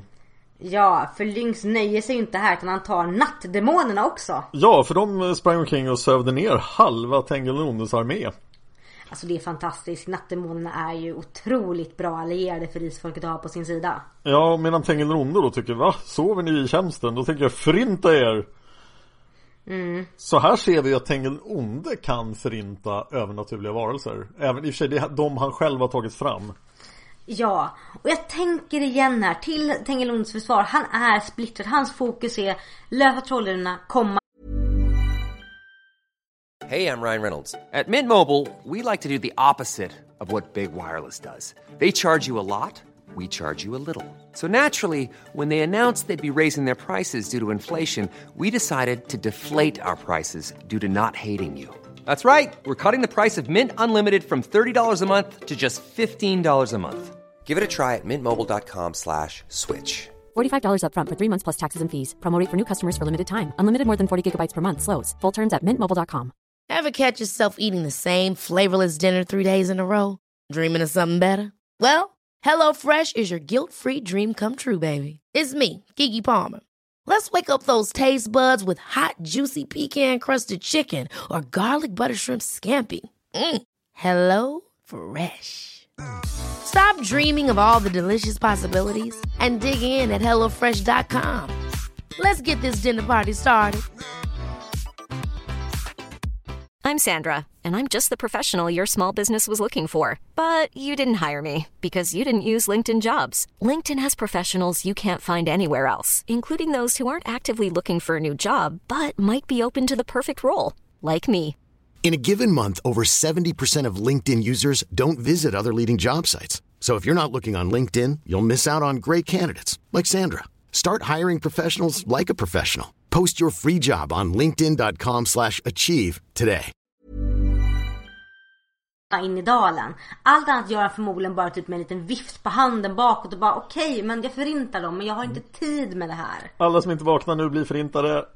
3, 2, 1, förintelse. Hej hopp! Ja, och Lilith kommer undan och Tamlin kommer undan. Ja och Tamlin träffar då på Satan nu. Ja, vad är det här? Vi har ju pratat väldigt mycket om det här med vilket universum det här utspelas in. Och det här, vi kom ju fram till att universumet som isfolket utspelas i är en värld där eh, Gud och Satan och allting finns. Edens lustgård var en grej och Gud skapade människan av lera. Ja, och eh, det verkar ju som att det är Bibelns värld. Ja. Och vad jag förstår är helvetet en uppfinning av kyrkan. Eh, frågan är om himlen är det, men Margit hävdar ju båda delarna här. Mm. Så att vem är Satan? Han verkar ju vara den här Guds åklagarpersonen från Bibeln, alltså han som ska fresta Jesus och så vidare. Men den personen är ju inte särskilt ond utan jobbar ju för Gud. Men det verkar inte vara fallet här heller. Nej, och det verkar ju liksom inte vara... Alltså, jag får intrycket av att Satan är en slags väldigt gammal och skabbig demon. ja. Mm. Ja, det, det, framgår verkligen inte alls vem, vem han är och vad han gör. Han är inget helvete. Det finns ingen himmel. Nej. Han är uppfunnen av människor men han är lika gammal som Gud. Hur går det ihop? Ja. För, för då har vi det här. Om Gud är skapad. Nu får vi ändra om universumet från Gud och djävulen. Eller Gud och Satan. Är skapat av människorna för att människorna tror på Gud och Satan. Men Edens lustkor bevisligen finns, adlarna finns och människan skapades av Gud. Nu har vi den här, vad kom först, hönan eller ägget? Ja, och jag vill ju fortfarande svara att det var Gud som kom först. Men, Men, då var Satan där också och han lever på att människorna tror på honom som alla de andra gudarna verkar göra. Det känns ju som den tesen att gudar lever av att folk tror på dem. Den har ju blivit ganska väl förankrad nu men den är ju starkare än någonsin i den här boken. Ja, och jag hade väl kunnat köpa att ja men Gud skapade världen, djävulen dök upp samtidigt för han måste ha en motpol.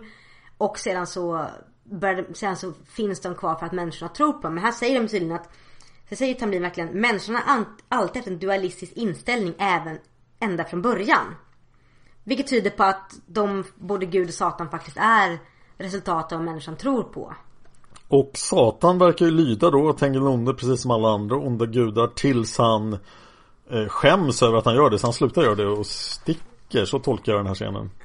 Ja, ungefär så. Och just det, här kommer en sak till som förvirrar mig. Ja. Satan säger Jag är ingens vasall. Vi är jämställda. Och Tamlin säger knappast, du är uppfunnen av människor. Vad kommer först? Hönan eller ägget? Ja, jag kan inte svara på det. Men eh, Nej. Satan försvinner ju här så man undrar ju vad han överhuvudtaget gjorde i den här boken. Bara var... Bara visa att han gjorde någonting. Och jag tror ju Margit eh, tänkte igenom den här scenen ordentligt. För att jag vet inte om hon hade börjat få kritik här men hon har ju fått massor av kritik för att hon skriver om demoner och så och, då, och har med Satan också i en, en roll som inte spelar någon som helst roll. Nej. Det känns väl som att hon behövde... På ett sätt förstår jag varför hon har med den här scenen. Okej, berätta. För att för en gång för alla slå hål på myten om att Lucifer och Satan är en och samma person. Genom att plocka in Satan och ha honom Ah. som en tydlig eh, vasall till Tängeln onde så slår det hål på alla myter om att Lucifer kanske var Satan i någon annan form. För det är ju bevisligen så att Satan är en egen person. Ja, det är en poäng faktiskt. Så att Mm. det, det är till Lucifer Framhäva Lucifer sak. Ja. Jag har ingenting emot det. Däremot det jag har emot är att den här scenen gör mig så otroligt förvirrad över vart, vad är det som stämmer. Ja, det är ju något av våra minsta problem här. För historien Mm. fortsätter ju. Ja, men först förlorar vi Tamlin också. Ja, just det. Mm, han åker till det stora svalget. Vilken eh, otur.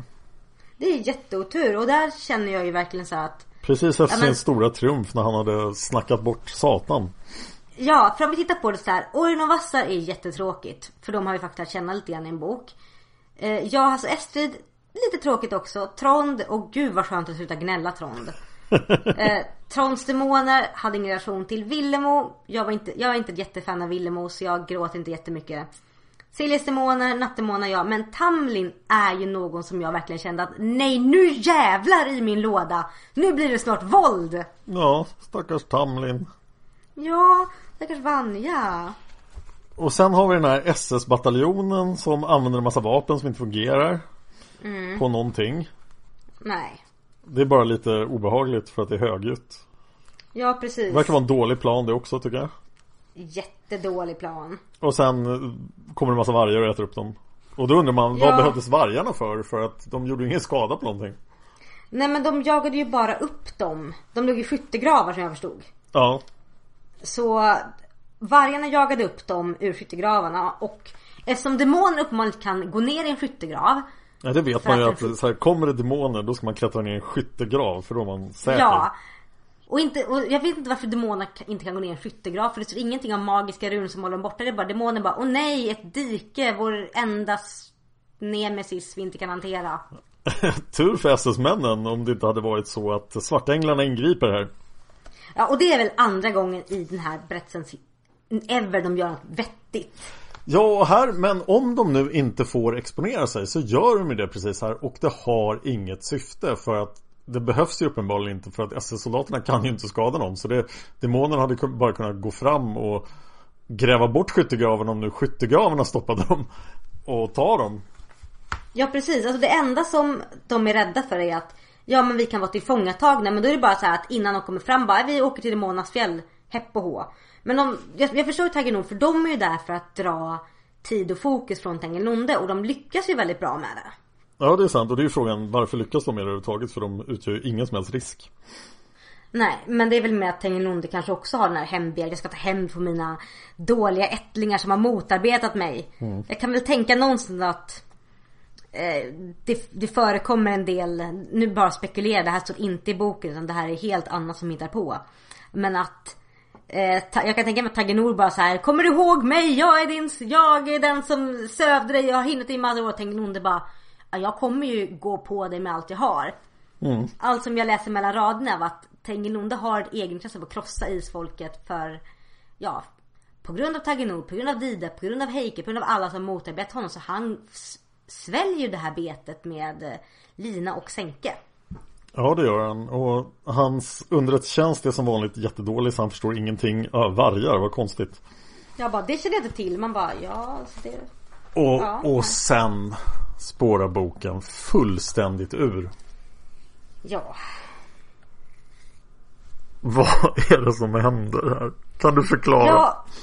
Nej, jag vet inte. Jag hade glömt bort det här förrän Han är- jag läste. Han är ju på framsidan en av tidens herrar men han är ju helt normal storlek. Mm. Medan i Alltså deras storlek är otroligt svår att lista ut men jag, jag tänker mig de minst 50 meter höga som de beskrivs. Ja, de boken. gigantiska. Och det vi har här är att Tengilund drar fram till trumfkort. Tre stycken ryttare som kallas för tidens herrar. Och alla blir jätterädda för dem för att de härskar över tiden. Alla verkar veta vilka de här är.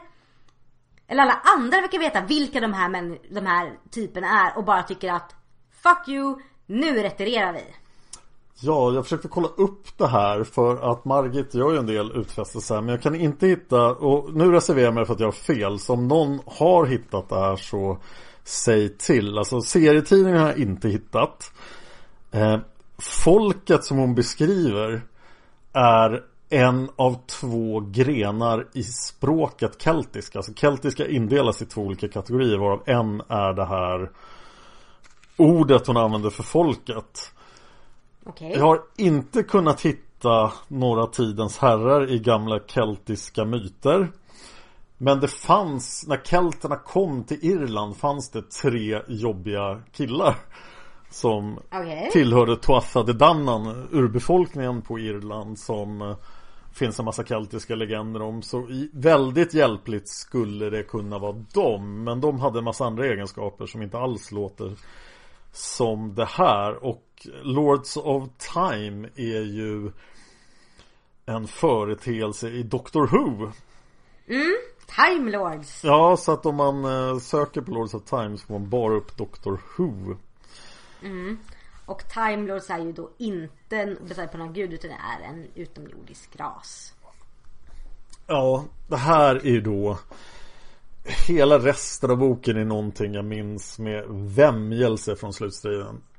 Det här känns Ja. så otroligt slumpmässigt. Och varför, okej det finns två ungar i källare i Liverpool. Och de tror på det här. Så därför blir Lords, of, eller Tidens herrar så otroligt övermäktiga. Ja, det känns som att Margit använder det här som en slags slutgiltig eh, ett slags slutgiltigt bevis för sin tes att alla gudomar blir starka om man tror på dem. Men så fort man slutar tro på dem så dör de faktiskt bort. Ja, och det har hon ju förankrat väl. Och nu, Ja. tänk, att Tengil Nonde håller liv i både Shama och i, i elementens andar har vi förstått. Bara med att tro på Ja. dem. Ja, men det känns som att det är så onödigt för den här tesen behövs inte. Det känns som att det känns som att Margit här vill dra fram Tengil Ondes trumfkort, gör det i form av väldigt okända gudomar slash hjältar slash någonting annat. Som inte är känt, som hon har frihet att forma om som hon vill. Och det tycker jag är bra, för jag hade blivit väldigt kränkt ifall det här varit, ja, någon annan konstig gud. Jag hade nog tyckt det var bättre om det hade varit tre onda gudar från kända religioner. Än det här. Nu, nu tror jag ju att, att Margit inte ljuger för oss här. Att det, det har funnits någonting sånt här. Att hon har hittat det någonstans. Hon kanske har sett Ja, det tror jag serietidningen. definitivt. Men, eh, ja. Och, så, och dessutom mitt i hela den här röran så är den här märkliga anderesan och Nathaniel är ju inte sig själv alls. Han är verkligen jättemärklig här tycker jag. Han får massor av konstiga krafter och jag tycker inte han beter sig som sig själv heller. Nej, alltså jag drar lite paralleller till eh, Fångad av tiden när han reser ut, eh, när jag har andresan och tidsresan där. Ja. Men där har han ändå kvar sin personlighet. Här blir det väldigt mycket Marco. Jag tror problemet är att Nathaniel här har blivit en auktoritet. Ja. Han har blivit en auktoritet som tar kommandot, som bestämmer. Och det är väldigt ovant hur vi sett Nathaniel varit tidigare. Och jag kan ju säga att en del av detta beror säkert på hans dedikation att faktiskt hämnas Ellen. Men det blir problematiskt när vi haft med Marco i bilden som auktoritet och de två ändå är så lika. Och det enda som skildrar mot var att Nathaniel var den som stod i bakgrunden, var lite blyg och mjuk och Marco var den som på ett självklart sätt tog ledningen. När Nathaniel nu går in och tar ledningen så har vi ett problem. Ja, han blir ju mer Marco-aktig än någonsin här och hela den här det vi tyckte var så bra att Nathaniel skilde sig så mycket från Marco Det suddas ut i de här scenerna. Men det spårar ur ännu värre för helt plötsligt får vi en föreläsning om hjälpare som Margit får presentera sina hjälparteorier Som ju Ja. ligger Margit väldigt varmt om hjärtat. Eh, Men dessutom plötsligt ramlar vi in på Margits släktträd. Ja, jag blev helt, jag blev så knäckt för jag hade förträngt det och så bara Gabriel bara, ja men hon som åkte bil med Margit Sandemo och jag bara nej! Nej! Och! Gabriel har fotografiskt minne av allting Margit har berättat. Och varför? De åkte i och för sig bil väldigt länge men sitter man och håller en sån här föreläsning för ett stackars barn? Uppenbarligen. Och jag vill bara poängtera. Gabriel kommer ihåg det här. Men han kan inte komma ihåg att de skulle köpa nya skor till honom när de var nere på, eh, när de var nere för fjället. Det kunde han inte komma ihåg. Nej, och, och Gabriel blir ju Margits röst här på ett sätt som är fruktansvärt. Ja, för Gabriel är ett barn och här blir Gabriel någon slags inte barn utan bara liksom som de säger Margits språkrör och det blir jätte jättekonstigt. Jag hade nog kunnat tycka om det här med att Alltså liksom principen Margit lägger ut Tänk tänker den onde sätter in sitt trumfkort Det är en okänd makt för de utvalda och eh, andarna de vet bara att det är läskigt och att de inte har någon chans emot det. De måste lösa detta. Jag tycker om scenariot hon bygger upp. Men tidens herrar Ja. och vad det här gör med Nathaniel. Ja, att jag blir väldigt... Eh, alltså det funkar inte för mig. Om vi bortser från storyn bakom Tidens herrar så är ju de väldigt läskiga skurkar här. Och, Det är de. Och de gör ju skada. De tar ju Halkatla som vi ser på framsidan. Ja, och Halkatla hamnar i det stora svalget.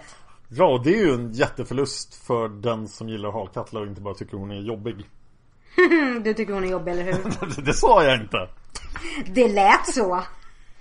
Och, och de lyckas nästan ta Rune, men han klarar sig.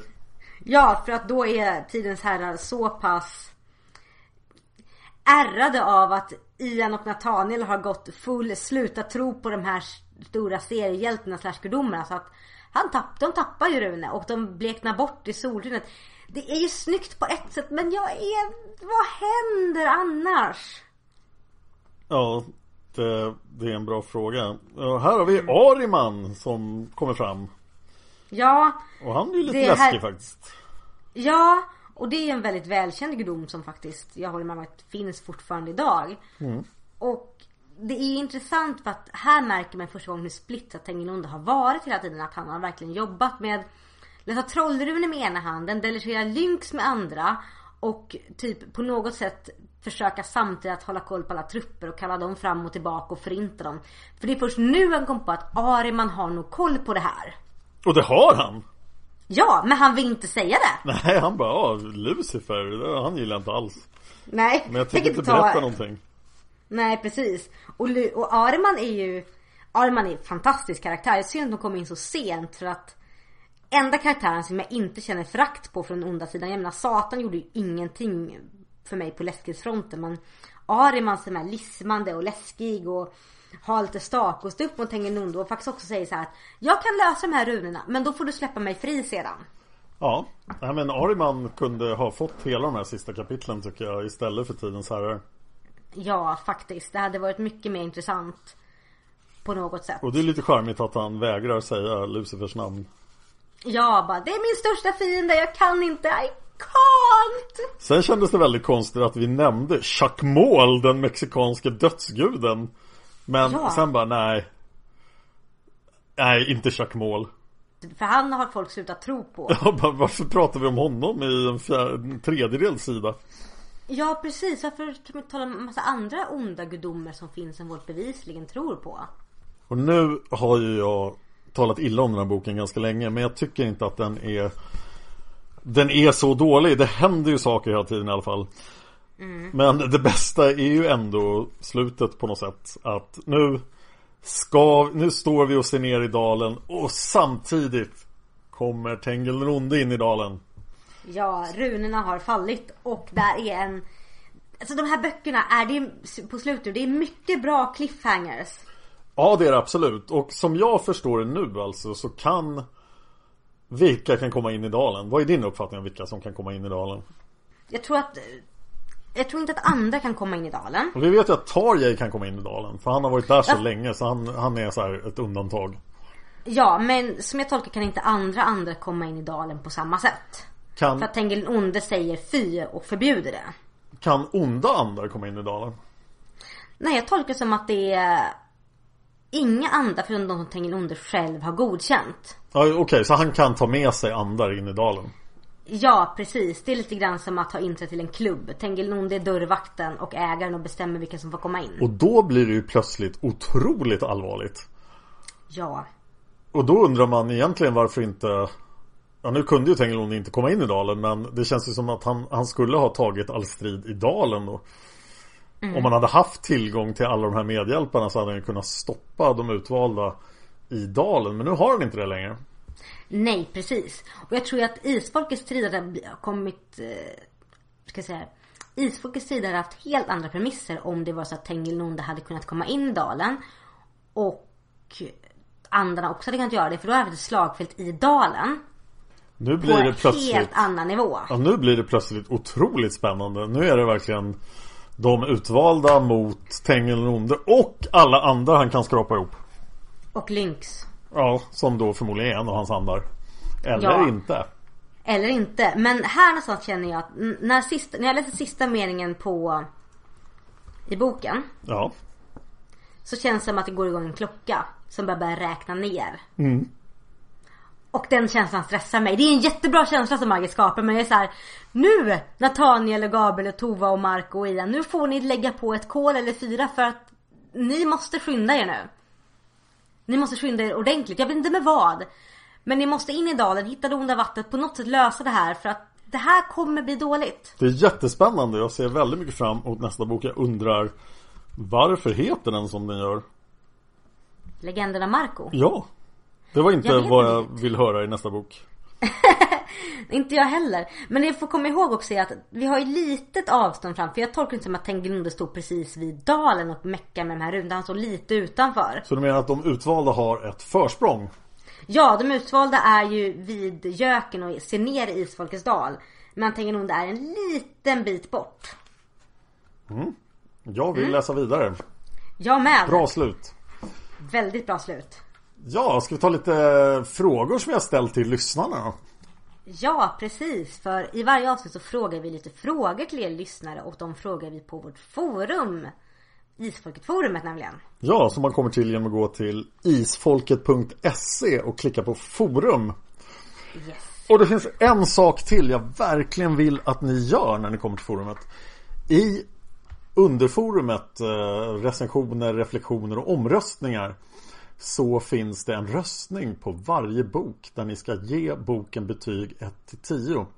Och det här är jätteviktigt för vi kommer göra ett helt avsnitt om vilka betyg ni har satt på böckerna. Så att om ni inte har gjort det, gå in på forumet och sätt betyg på alla 47 böckerna. Jag vet att jag ber om mycket här, men ju fler betyg desto bättre topplista kan vi producera till de här avsnitten vi ska göra då efter avsnitt 47. Mm, så gå in och eh, var med så vi har era åsikter. Ja, och frågorna vi brukar ställa och vad frågorna vi ställde den här gången också. Vad tyckte du om boken? Vilka är dina favoritögonblick i boken? Och vilken är din favoritkaraktär? Mm. Och första svaret kommer från Malou av Isfolket som säger Är själv inte så förtjust i boken om jag ska vara ärlig. Sista gången jag läste den hoppade jag över en hel del då jag blev less på att läsa eftersom allt går så sakta i denna boken. Det var andra gången jag läste den då. Minns inte så mycket annat att jag inte gillar, minns inte så mycket annat att jag inte gillar den då det är snart två år sedan jag läste den. Oops. Favoritögonblick. Är det inte här som Sölve kommer fram? I sådana fall är det klart mitt favoritögonblick. Förutom att det gör ont i mitt onda hjärta när han elimineras. Snyft. Ja, men han dog episkt. Malou fortsätter. Favoritkaraktär? Hmm. Vet inte. Ju mer jag läser de sista böckerna ju mer uppretad blir jag på Tova och Alcatla. Men för tre år sedan hade jag definitivt skrivit Halkatla. Nu är det väl, ja, Gabriel kanske. Övrigt. Blir lite less på att höra hur Marco blivit fråntagen alla sina egenskaper från Svartänglarna. Men trots det är han övernaturligt stark och sover aldrig. Ja, varför är han övernaturligt stark? Varför sover han aldrig? Ah, ingenting är vackert längre. Övernaturligt stark känns inte som en svartängelsgrej riktigt. Eh, ja, vi får nog anledning att klaga mer på Marcos förmågor i nästa bok. Så vi går vidare till Mhm. nästa kommentar som kommer från Nolau. Eh, jag var förvånad över hur bra jag tyckte om den här boken. Jag tyckte att den var riktigt spännande. Det känns fortsatt som att det går lite väl lätt även om de förlorade många bundsförvanter i den här boken. Det behövdes ju till exempel inte så mycket övertalning för att Hanna, Grimar och Vega skulle byta sida. Likaså Kolgrim och Ulvar, eller var det i förra boken? Ja, det var det ju. Samma sak har jag också tänkt med Halkatla. Hon gick ifrån att vara jätteelak i sitt liv trots att hon hade föräldrar som verkligen brydde sig om henne. Så vill jag i alla fall minnas att det skildrades i Demonernas fjäll. Sen träffar hon sin inkarnation och gör en kovändning, blir snäll och självuppoffrande. Jag hade nog velat ha kvar lite mer dragning åt det onda än mannen i bilen i förra boken för att det skulle kännas trovärdigt. På temat lite för lätt var det ju oerhört lägligt att Ian råkade känna till varenda en som dyrkade tidens herrar. Hur kan Margit med och slänga in prat om sitt eget släktträd igen? I en ganska lång passage babblar Gabriel på om alla kända förfäder hon har och bla bla, tänk att det var så många ledare men inte en enda konstnär fast inte hade det hjälpt henne. Blygsamt skryt kallas sånt här, riktigt tröttsamt. Favoritögonblick i boken. Jag gillade när Gabriel fick besök i sin dröm. Det kändes mystiskt och viktigt. Jag minns så lite av de här böckerna så mycket blir nytt för mig. Sölves återkomst och Tobbas läskiga påverkan på männen var också bra scener. Mm. Vilken är din favoritkaraktär? Jag är svag för Halkatla. Det är en karaktär som jag inte hade något som helst minne av efter första genomläsningen. Jag mindes alla i sällskapet förutom henne. Det är konstigt eftersom jag tycker att hon är en person som livar upp stämningen och jag gillar henne mycket. Övrigt. Jag, hade, jag har antagligen glömt bort, missat någonting om Ian. Är han irländare? Man är uppväxt i Liverpool. Liverpool benämns som hans hemstad i boken och han pratar Liverpool-dialekt. Ska jag tolka det som att pappa var irländare och mamman norsk men han växte upp i England fast känner sig mer irländsk? Jag blev förvirrad. Ja, vad är det som stämmer där egentligen? Nu blev jag också förvirrad. Jag har ingen aning. Eh, mera från Olau. Varför nöjde sig Tengil Onde med att Ariman bara tog sig an nätet runt dalen? Han har velat veta vem Marco är hur länge som helst. Om Ariman är den enda som har en aning känns det som att Tengilonde inte hade skytt några medel för att få honom att säga vad han visste. Eller? Mm, sant. Nästa svar kom fröken Anna-Marie som säger Ingen favoritbok direkt. Alldeles för mycket folk inblandade. Jag har lite svårt att förstå för alla ska trängas där uppe på heden. Kunde inte isfolkets andra demoner och alla hundar, SS-soldater, konskadorer, karl, tidens herrar med mera gå någon annanstans och slåss så boken fick handla om fem svärd över fjället? Dessutom får Gabriel hemlängtan och skavsår. Skicka hem det stackars barnet! Tengil den onde är ungefär lika ledsen som Krösus Sork i Bamse. Favorithändelse. Mötet med Björg på fjället som lyckas lura nästan alla bara med att vara söt. Och så gillar jag citatet ur Kalevala. Favoritkaraktär. Jag har letat och letat men hittar ingen som jag fäster mig särskilt vid. Jo, det skulle möjligen vara de fanatiska serietidningsdyrkande barnen i Liverpool, Bob och Mary som sannerligen behöver en vettig hobby. Ja. Och övrigt, plötsligt blev Tobba Tengil den godes mormor en liten miss i släktträdet. Just det. Och det ska vi prata mer om om en stund. Ja, nästa kommentar kommer från Heike. Vad tyckte du om boken? Den här boken är helt hysterisk. Det händer något hela tiden och det ena är knasigare än det andra. Scenerna där de goda konfronteras med sina fiender helt vilda och påminner mer om tecknad film än en bok. Kali, ja alltså Estrid, Hanna och Vega, Katt och Katil, Vintersorg och Ondskans öga. Fighterna är helt galna. Favoritögonblick i boken. Citat från sid 88. Gabriel kunde inte hjälpa det. Gråten som suttit i halsen en lång stund nu trängde sig upp i ögonen som svämmade över. Han böjde sig fram och låtsades ordna med stöven. Då han åter rätade sig upp kände han Ulf Hednings hand om sin. Gabriel kramade den hårt som ett övergivet barn. Underbart fin scen! Scenen där andarna går till attack med hjälp av moderna saker som motorcykel och cigarettändare ger mig ett gott skratt. Det är så sött när Ulvheden är imponerad av tändaren. Och att Gabriel måste påminna om att gasen kan ta slut. Och Rune som kör motorcykel utan kontroll är hur kul som helst. Jag undrar förresten hur Gabriel har lärt sig att hantera en pistol. Tengil Onde är så upprörd att han glömmer att gömma sig i Per-Ola Winger. Citat från sid 57 i boken. Med ens råkade Tengilonde kasta en blick ner på sina händer, upptäckte metamorfosen. Han gav upp ett ofrivilligt skrik som en överrumplad rovfågel och stirrade sedan forskande på Lynx. Och så en massa ta sig huvudsmileys. Vilken är din favoritkaraktär? Gabriels hår. Gabriels hår är Heikes favoritkaraktär. Gabriels hår har verkligen ett eget liv och jag har tappat räkningen på hur många gånger håret spretar av trötthet, förskräckelse och andra känslor. det hade inte jag tänkt på alls. Inte jag heller. Övriga tankar från Heike. Jag blir inte klok på Marco. Det är sagt att han är fråntagen alla svartängelegenskaper och således bara en människa. Men det antyds mer än en gång att han aldrig sover och han är övernaturligt stark när han drar i en av tidsherrarna. Dessutom kan han fortfarande göra sig osynlig och han har fortfarande den blålysande auran omkring sig. Varför är Mar med den västerländska andehären? Övriga Tarangayer är inte med i den gruppen. Det var först i Demonernas fjäll som de blev kända, så varför är Mar med? Margit vill gärna ge läsarna så mycket bakgrundsfakta som möjligt men det är inte alltid det fungerar. Som när Rune och Halkatla blir bortrövade av Kalis tillbedjare. Det är bråttom eftersom det ingår i kulten att hugga sina offer i småbitar. Men det hindrar inte Nathaniel från att mala på i tre sidor om Kali och strypsekten. Grimar beskrivs som liten och satt. Jag har alltid föreställt honom som lång och gänglig och kan inte alls förlika mig med den riktiga bilden Hanna och Grimar ställer till besvär och de fem utvalda tillkallar Sol. Citat från sid 97 i boken. Lär ni er aldrig att ni måste anropa oss så fort ni är i nöd. Men så lät det minsann inte i lugnet före stormen, där Sol varnade å det grövsta för att kalla på andarna i onödan. Hanna verkar inte alls ond, hon är bara trumpen, tjurig och osäker. Överhuvudtaget så tycker jag att de onda vinner över till den goda sidan alldeles för lätt. Så fort de ser hur kul andarna har så börjar de vela och vips så är de goda. Mm-mm. Nästa svar kom från Cinzia från Noor som säger De svarar på frågan, vad tycker du om boken? Se sådär, det finns klart värre böcker men känner att det går alldeles för enkelt för isfolket. Ja, massor förloras i det stora svalget men trots det känns som svalget och Lynx är det enda som är förhållandevis farligt. Tengil den onde känns som en gnällig mes genom hela boken. Mötet med Kali kunde varit spännande om det inte tog slut direkt. De onda drabbade dör som flugor och lyckas inte åstadkomma något. Att Vintersor och kompani besegras av ficklampor och en motorcykel får man vilja slänga boken i väggen. Vi vill ha mer spänning och bättre dramaturgi.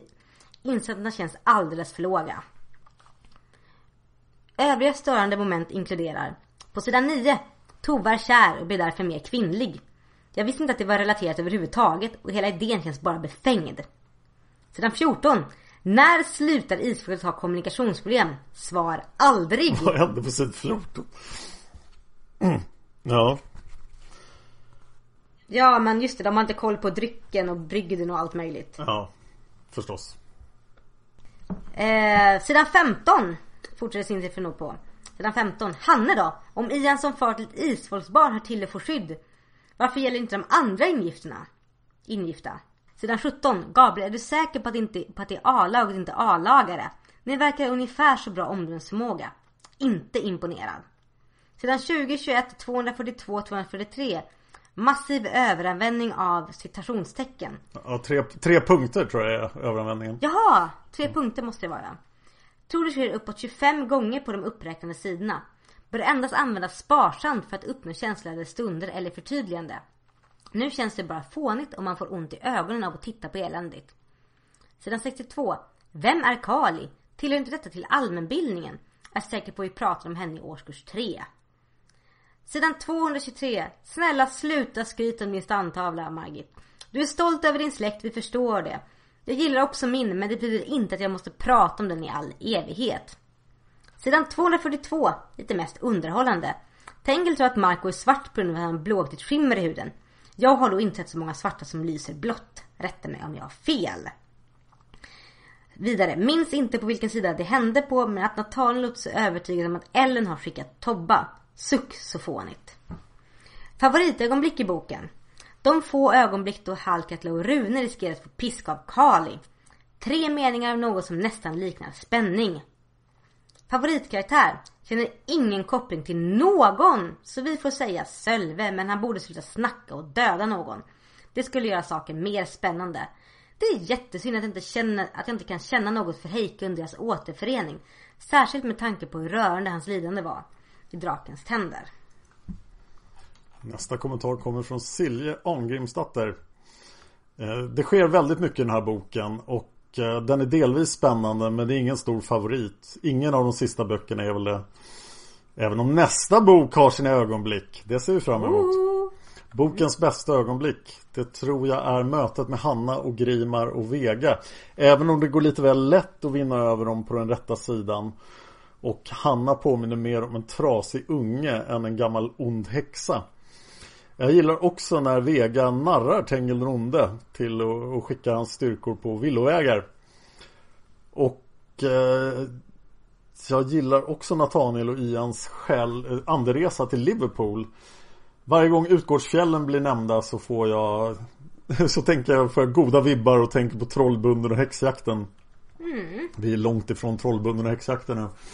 Mm. Silje fortsätter. Vilken är din favoritkaraktär och varför? Jag tror faktiskt inte jag klarar av att välja en favorit i den här boken. De personerna jag gillar bäst är med alldeles för lite. Om jag måste välja så väljer jag Halkatla eller Tengel den gode. Minuspoäng till Nathaniel och Ian för att de låter sig förföras av Björg, det vill säga Tobba. Jag trodde deras känslor för Ellen och Tova var starkare än så. Tydligen inte. Lite funderingar. Sid 10 det fanns ingen orsak för Tula att vara rädd. Hon levde ju inte längre. Hon var ju en av isfolkets andar bland förfäderna. Men när exakt dog Tula? Eh, det står 848 i släktträdet. Men det var ju då hon försvann 1800. med de, 1848 i släktträdet. Men det var ju då hon försvann med de fyra demonerna. Hon var bara 48 år gammal. Tog de livet av henne då? Ja. Eller har hon dött på en eller annan tidpunkt i Demonernas fäll? Det får mig undra. Det känns ju verkligen inte som att Tula är död. Nej, och det känns lite samma sak som vi har med Saga och Vanja också. Där det står deras dödsdatum. Ja.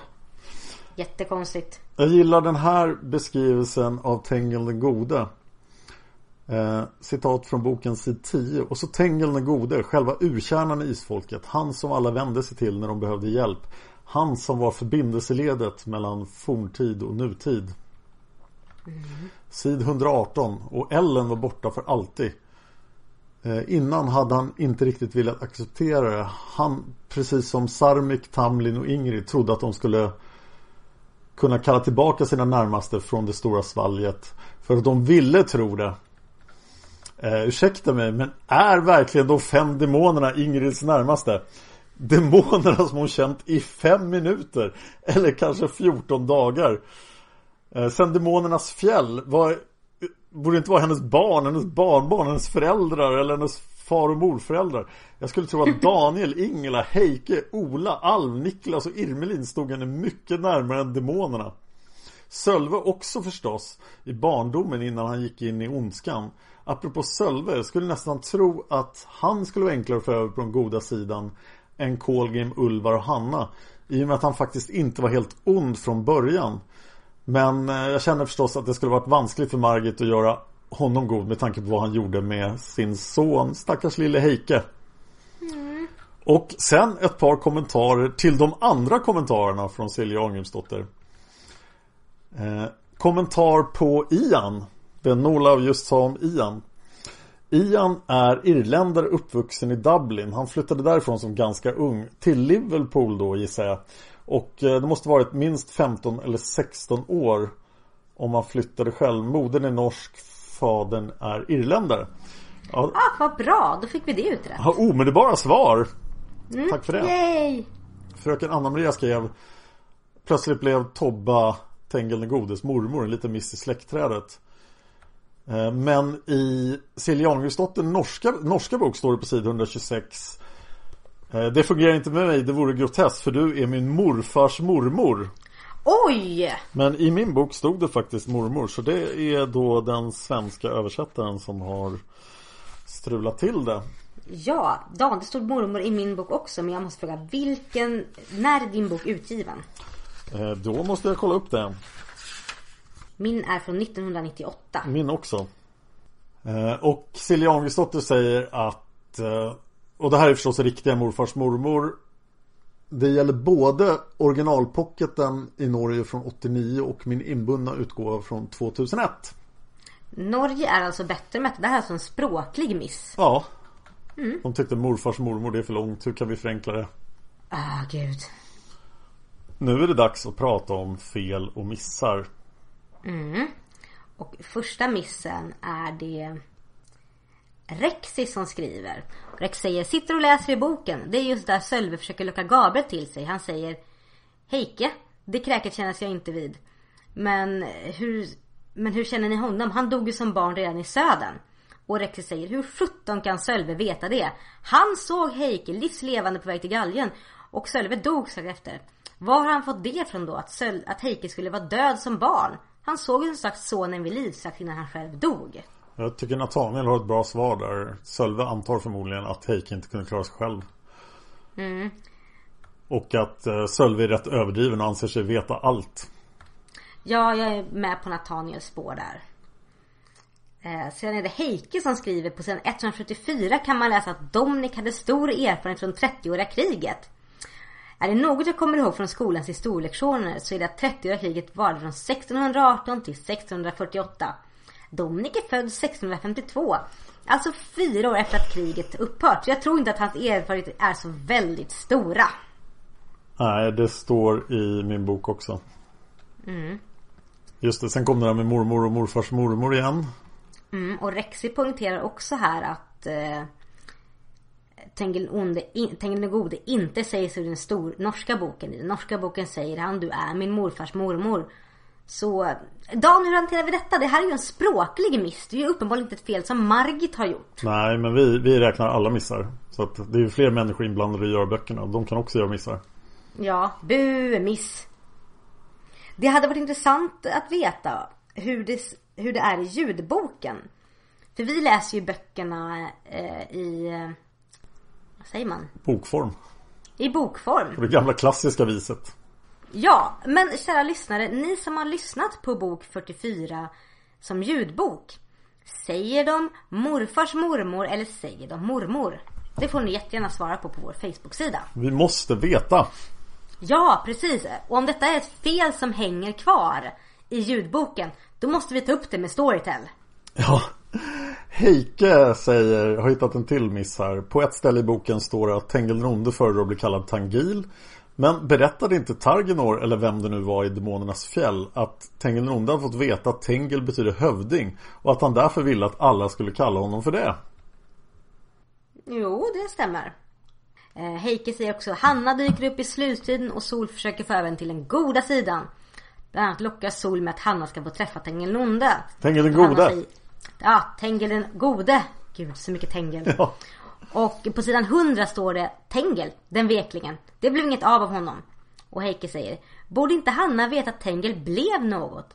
Det var ju Hanna som berättade för barnet Sol att både Tengel och Silje skulle bli berömda. Whoops. Hanna kanske inte trodde på sin egen förmåga riktigt. Nej. Och eh, Heike säger vidare Hanna säger på sidan 103 Jag kunde väl alltid hälsa på Tengel den gode. Och Heike säger Hur vet Hanna att Tengel kallas den gode? Det var ju Charlotte Maiden som myntade uttrycket och då var Hanna död sedan länge.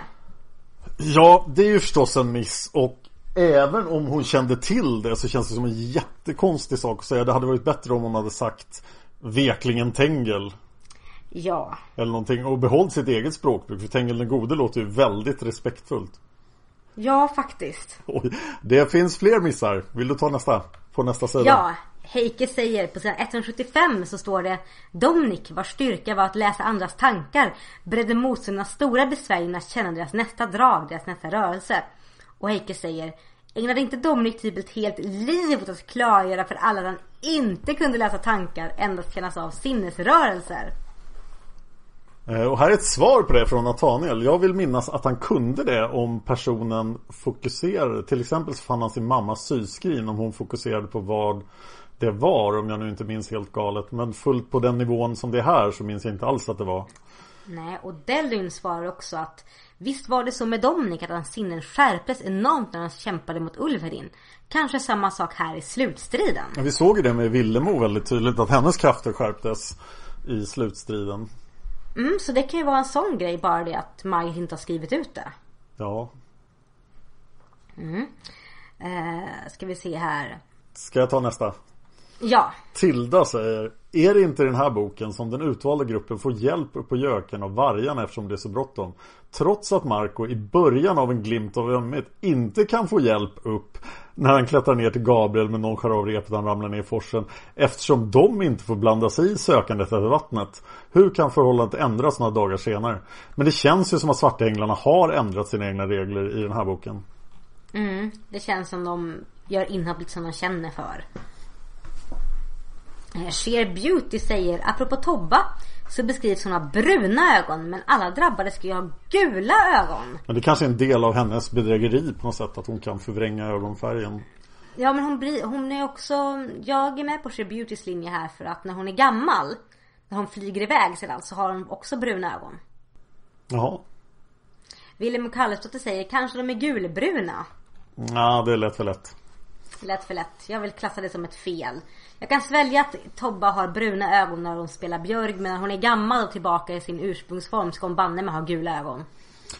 Ja, och den sista fel och missen kommer ja, Det är återigen då Tulas död och Gabriels tankar går ungefär så här Ingen kunde anklaga Tula för att vara våghalsig Men så var hon inte heller levande längre Nu tillhör hon skaran isfolkets andar Fel, fel, fel! Sen när tillhör Tula dem? Och när dog hon? Ja, jag är ju inne på att både Vanja och Saga och Tula som alla har försvunnit mystiskt från jordlivet faktiskt dog någon gång. Och att de dog det året de försvann. Jag vet inte hur. Det känns som att det kanske var en sån här För att du ska kunna leva i livet måste du kunna dö. Så att hej och hå. Nej, jag är inte med på det De lever alla tre och har slutat åldras Så tolkar jag absolut. Men de är ju inte odödliga. Nej, och Tula är 48 för alltid. Ja, jag är inte... Alltså, jag, jag, jag, vill att det ska vara så. Mm. Men, jag, men hur blir de odödliga? Jag kan, jag kan tänka mig att Saga kan göras odödlig, Vanja kan göras odödlig i egenskap av Lucifers familj. Men hur demonerna gör Tula odödlig, det, det sväljer jag inte. Jag tror helt enkelt att man inte åldras i Demonernas fjäll och i Svarta salarna. Men då borde ju Tula bli damm så fort hon kommer utanför Demonernas fjäll. Nej, hon åldras inte överhuvudtaget. Så att när hon kommer ut så tickar åldrandet igång igen. Men hon är ute i så kort tid så det spelar ingen roll. Oj, gud vad invecklat. Så tror jag. Nu tänkte jag att min kära hustru skulle få såga de här böckerna lite. Ja! Och vi avslutar med Vanjas eh, Och här har hon börjat skriva Vanjas negg-reflektioner För att hon insåg att hon kanske var lite negativ Eh, Men vi drar dem Sid 28 de stod upp. Endast Gabriel låg kvar på Ulvedins order. Hans beskyddare satt på huk bredvid honom och värnade mot angreppen. Gabriel hade skrivboken under sig. Han drog fram den och skrev Kanske mest för att skingra tankarna och därmed rädslan. Katt har rest sig upp och vänt sig mot oss. Han ser verkligen hisklig ut. Tänderna är nerslipade till spetsar och jag får den hemska tanken att det är för att han ska kunna tugga offren bättre och Vanja säger Onda andar tjuter ur mitt huvud. Jag kan dö när som helst och ingen vet vad vi ska göra. Ja, jag skriver utförligt i min bok Så jag slipper tyda mina egna stödord Som i normala fall skulle ha fallit sig naturligare än en färdig roman Efteråt. Sid 34 Kat Gils och de andras onda blickar hade nu fångat in Orin och trots faderns förtvivlade försök att rädda sin siste son undan det stora svalget fick Orin samma öde som brodern Vanja säger Schamanerna ska kämpa sitt livskamp i sina svarta pälskläder.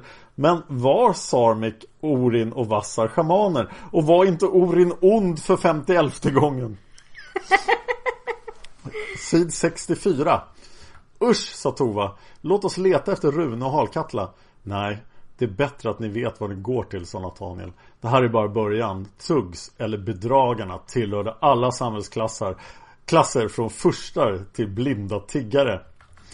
Vanja säger Rune och Halkatla är spårlöst försvunna och Nathaniel väljer att hålla föreläsning i en kvart om vad hinduerna åt till lunch, hur många procent av befolkningen som dött i vattenkoppor och deras topplista på namn till nyfödda.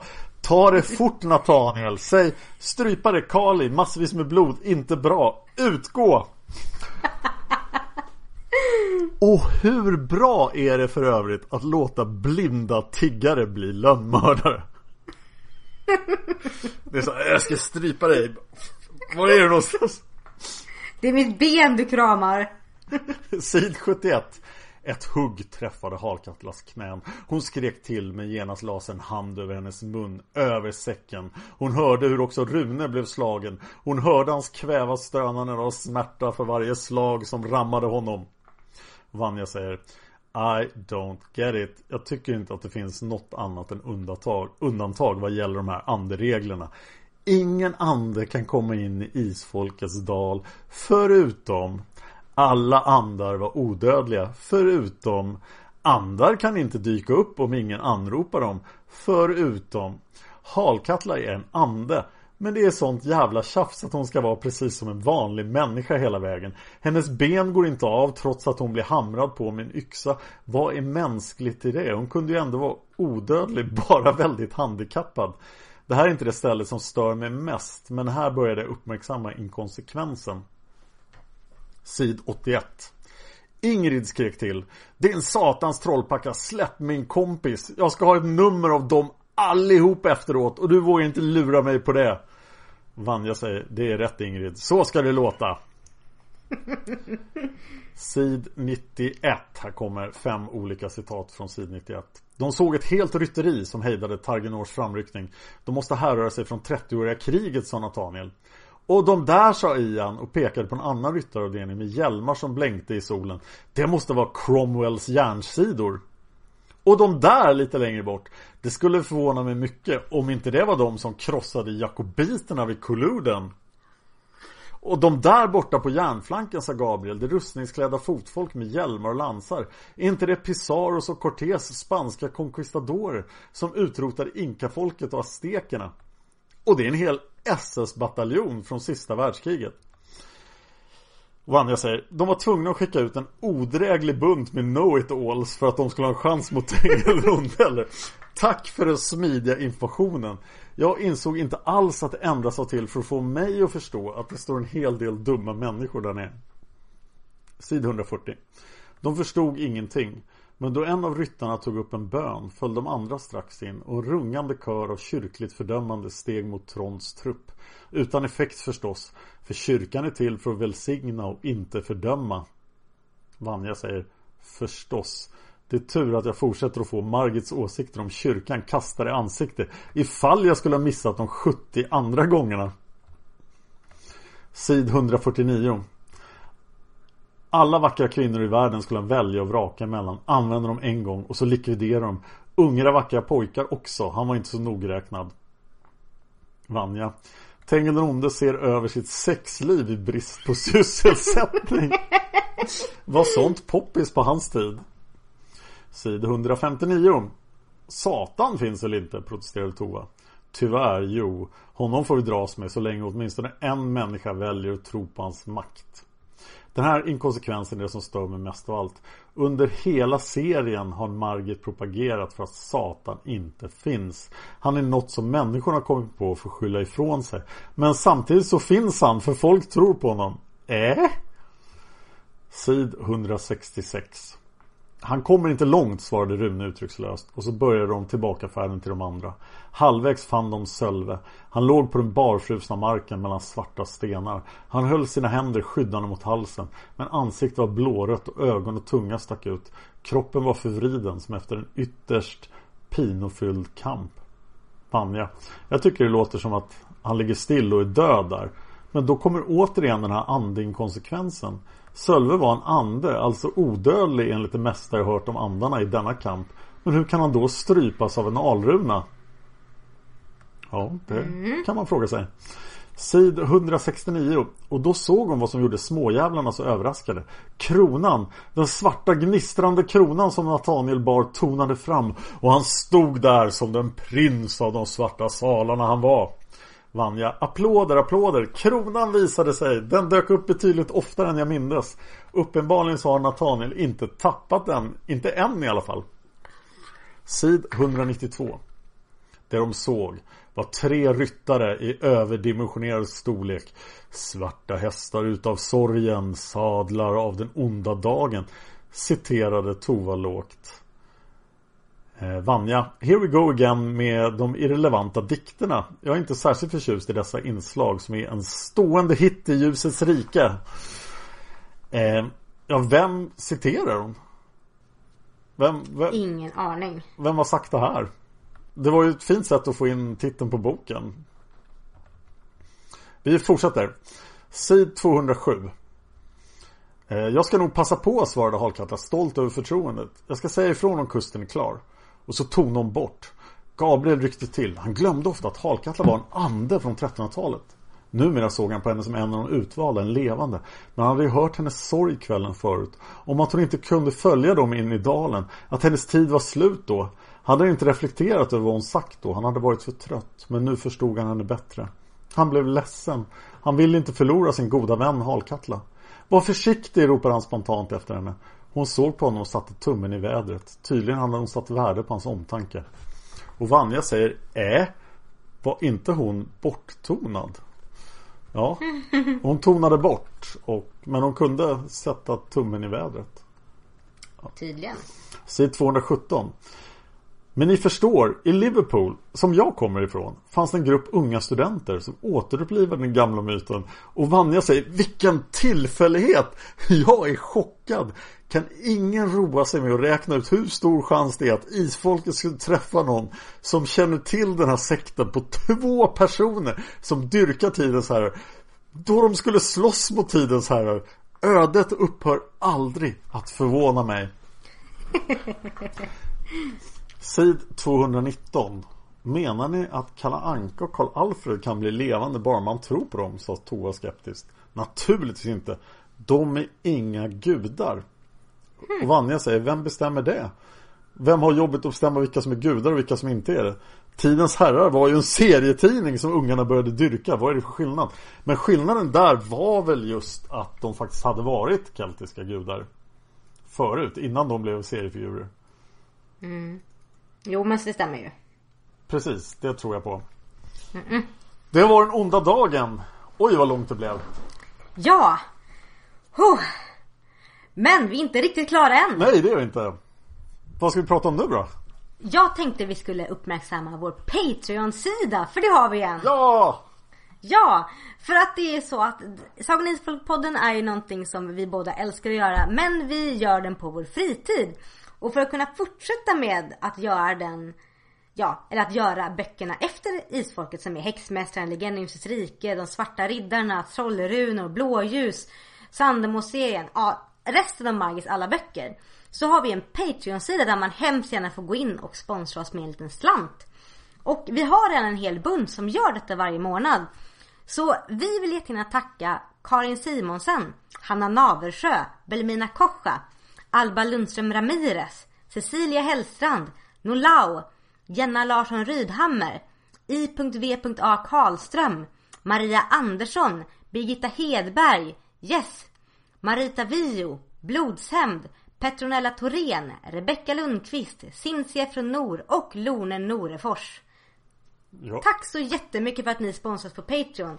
Så vi kanske kan fortsätta med Häxmästaren i höst. Jag blir alldeles rörd. Tack så jättemycket. Och vi har passerat häxmästarmålet men vi måste hålla oss där över också. Så att nu vill jag gärna fokusera på ljusets rike-målet. Och för att klara av att komma till ljusets rike så måste vi nå upp till 100 dollar så det behövs 50 personer som är inne. Och då inser jag att den här sekvensen när vi tackar alla kommer att bli väldigt lång. Så den måste vi väl se över vid det laget. Men det är målet nu. Vi vill också hemskt gärna ha iTunes-recensioner och Ja! ni är jätteduktiga på att ge oss iTunes-recensioner men ni som inte har gjort det vill vi hemskt gärna ha det av. Så om ni lyssnar på den här podden på en Apple-plattform så vill vi hemskt gärna ha det. Vi har fått två stycken den här gången. Woho! Eh, Så stort tack för det. Den första har rubriken Kan det bli bättre? Fem stjärnor från alias Ripley. Jag hittade er via Dans seriemördarpodd. Från seriemördare till isfolket. Kan det bli bättre? Stort tack för ert initiativ till denna podd. Och nu känner jag Anna att jag måste avslöja en hemlighet. Vad har du gjort? Nej, det är vad vi ska göra. För att Vad ska vi göra? Ja, nu ska vi inte säga för mycket men det finns en anledning att Jag har ofta funderat på om man kan kombinera två poddar. För jag gör ju åtta poddar i dagsläget. Och då har jag tänkt så här, tänk om man kunde göra ett avsnitt som är relevant för två poddar. Oh! Och det kommer vi att kunna göra. Så det kommer bli ett av de här extra avsnitten efter vi är klara med de 47 böckerna. Och det kommer att vara en kombination av just Seriemördarpodden och Isfolket-podden. Så det, Oh, det är intressant. det kommer att bli ett avsnitt med dig som kommer att gå både i Seriemördarpodden och Isfolket-podden. Det kommer att bli väldigt intressant. Men jag kan inte berätta varför det här går att göra än. Så att det återkommer jag till. Nej men jag är på, det är jätteroligt. Ja, det tror jag kommer att bli jättebra. Eh, Nästa iTunes-recension har rubriken Så härlig podd, fem stjärnor från Sofie. Åh, Eh, Har älskat Sagan om Isfolket sedan tidiga tonåren och läst den flertalet gånger samt lyssnat på ljudböckerna. Podden ger böckerna ytterligare en dimension vilket är helt fantastiskt. Dan och Anna är ett superhärligt team och det är så kul att höra dem såga den här fantastiska serien trots att de, precis som jag, älskar den. Ser fram emot när de går igenom Häxmästaren och Ljusets rike också. Och det, tack så jättemycket för den. Det känns tack så jätte- jättemycket. det känns ju kul att här är en person som har förstått oss. Sofie har förstått oss precis. För vi älskar Sagan om Isfolket.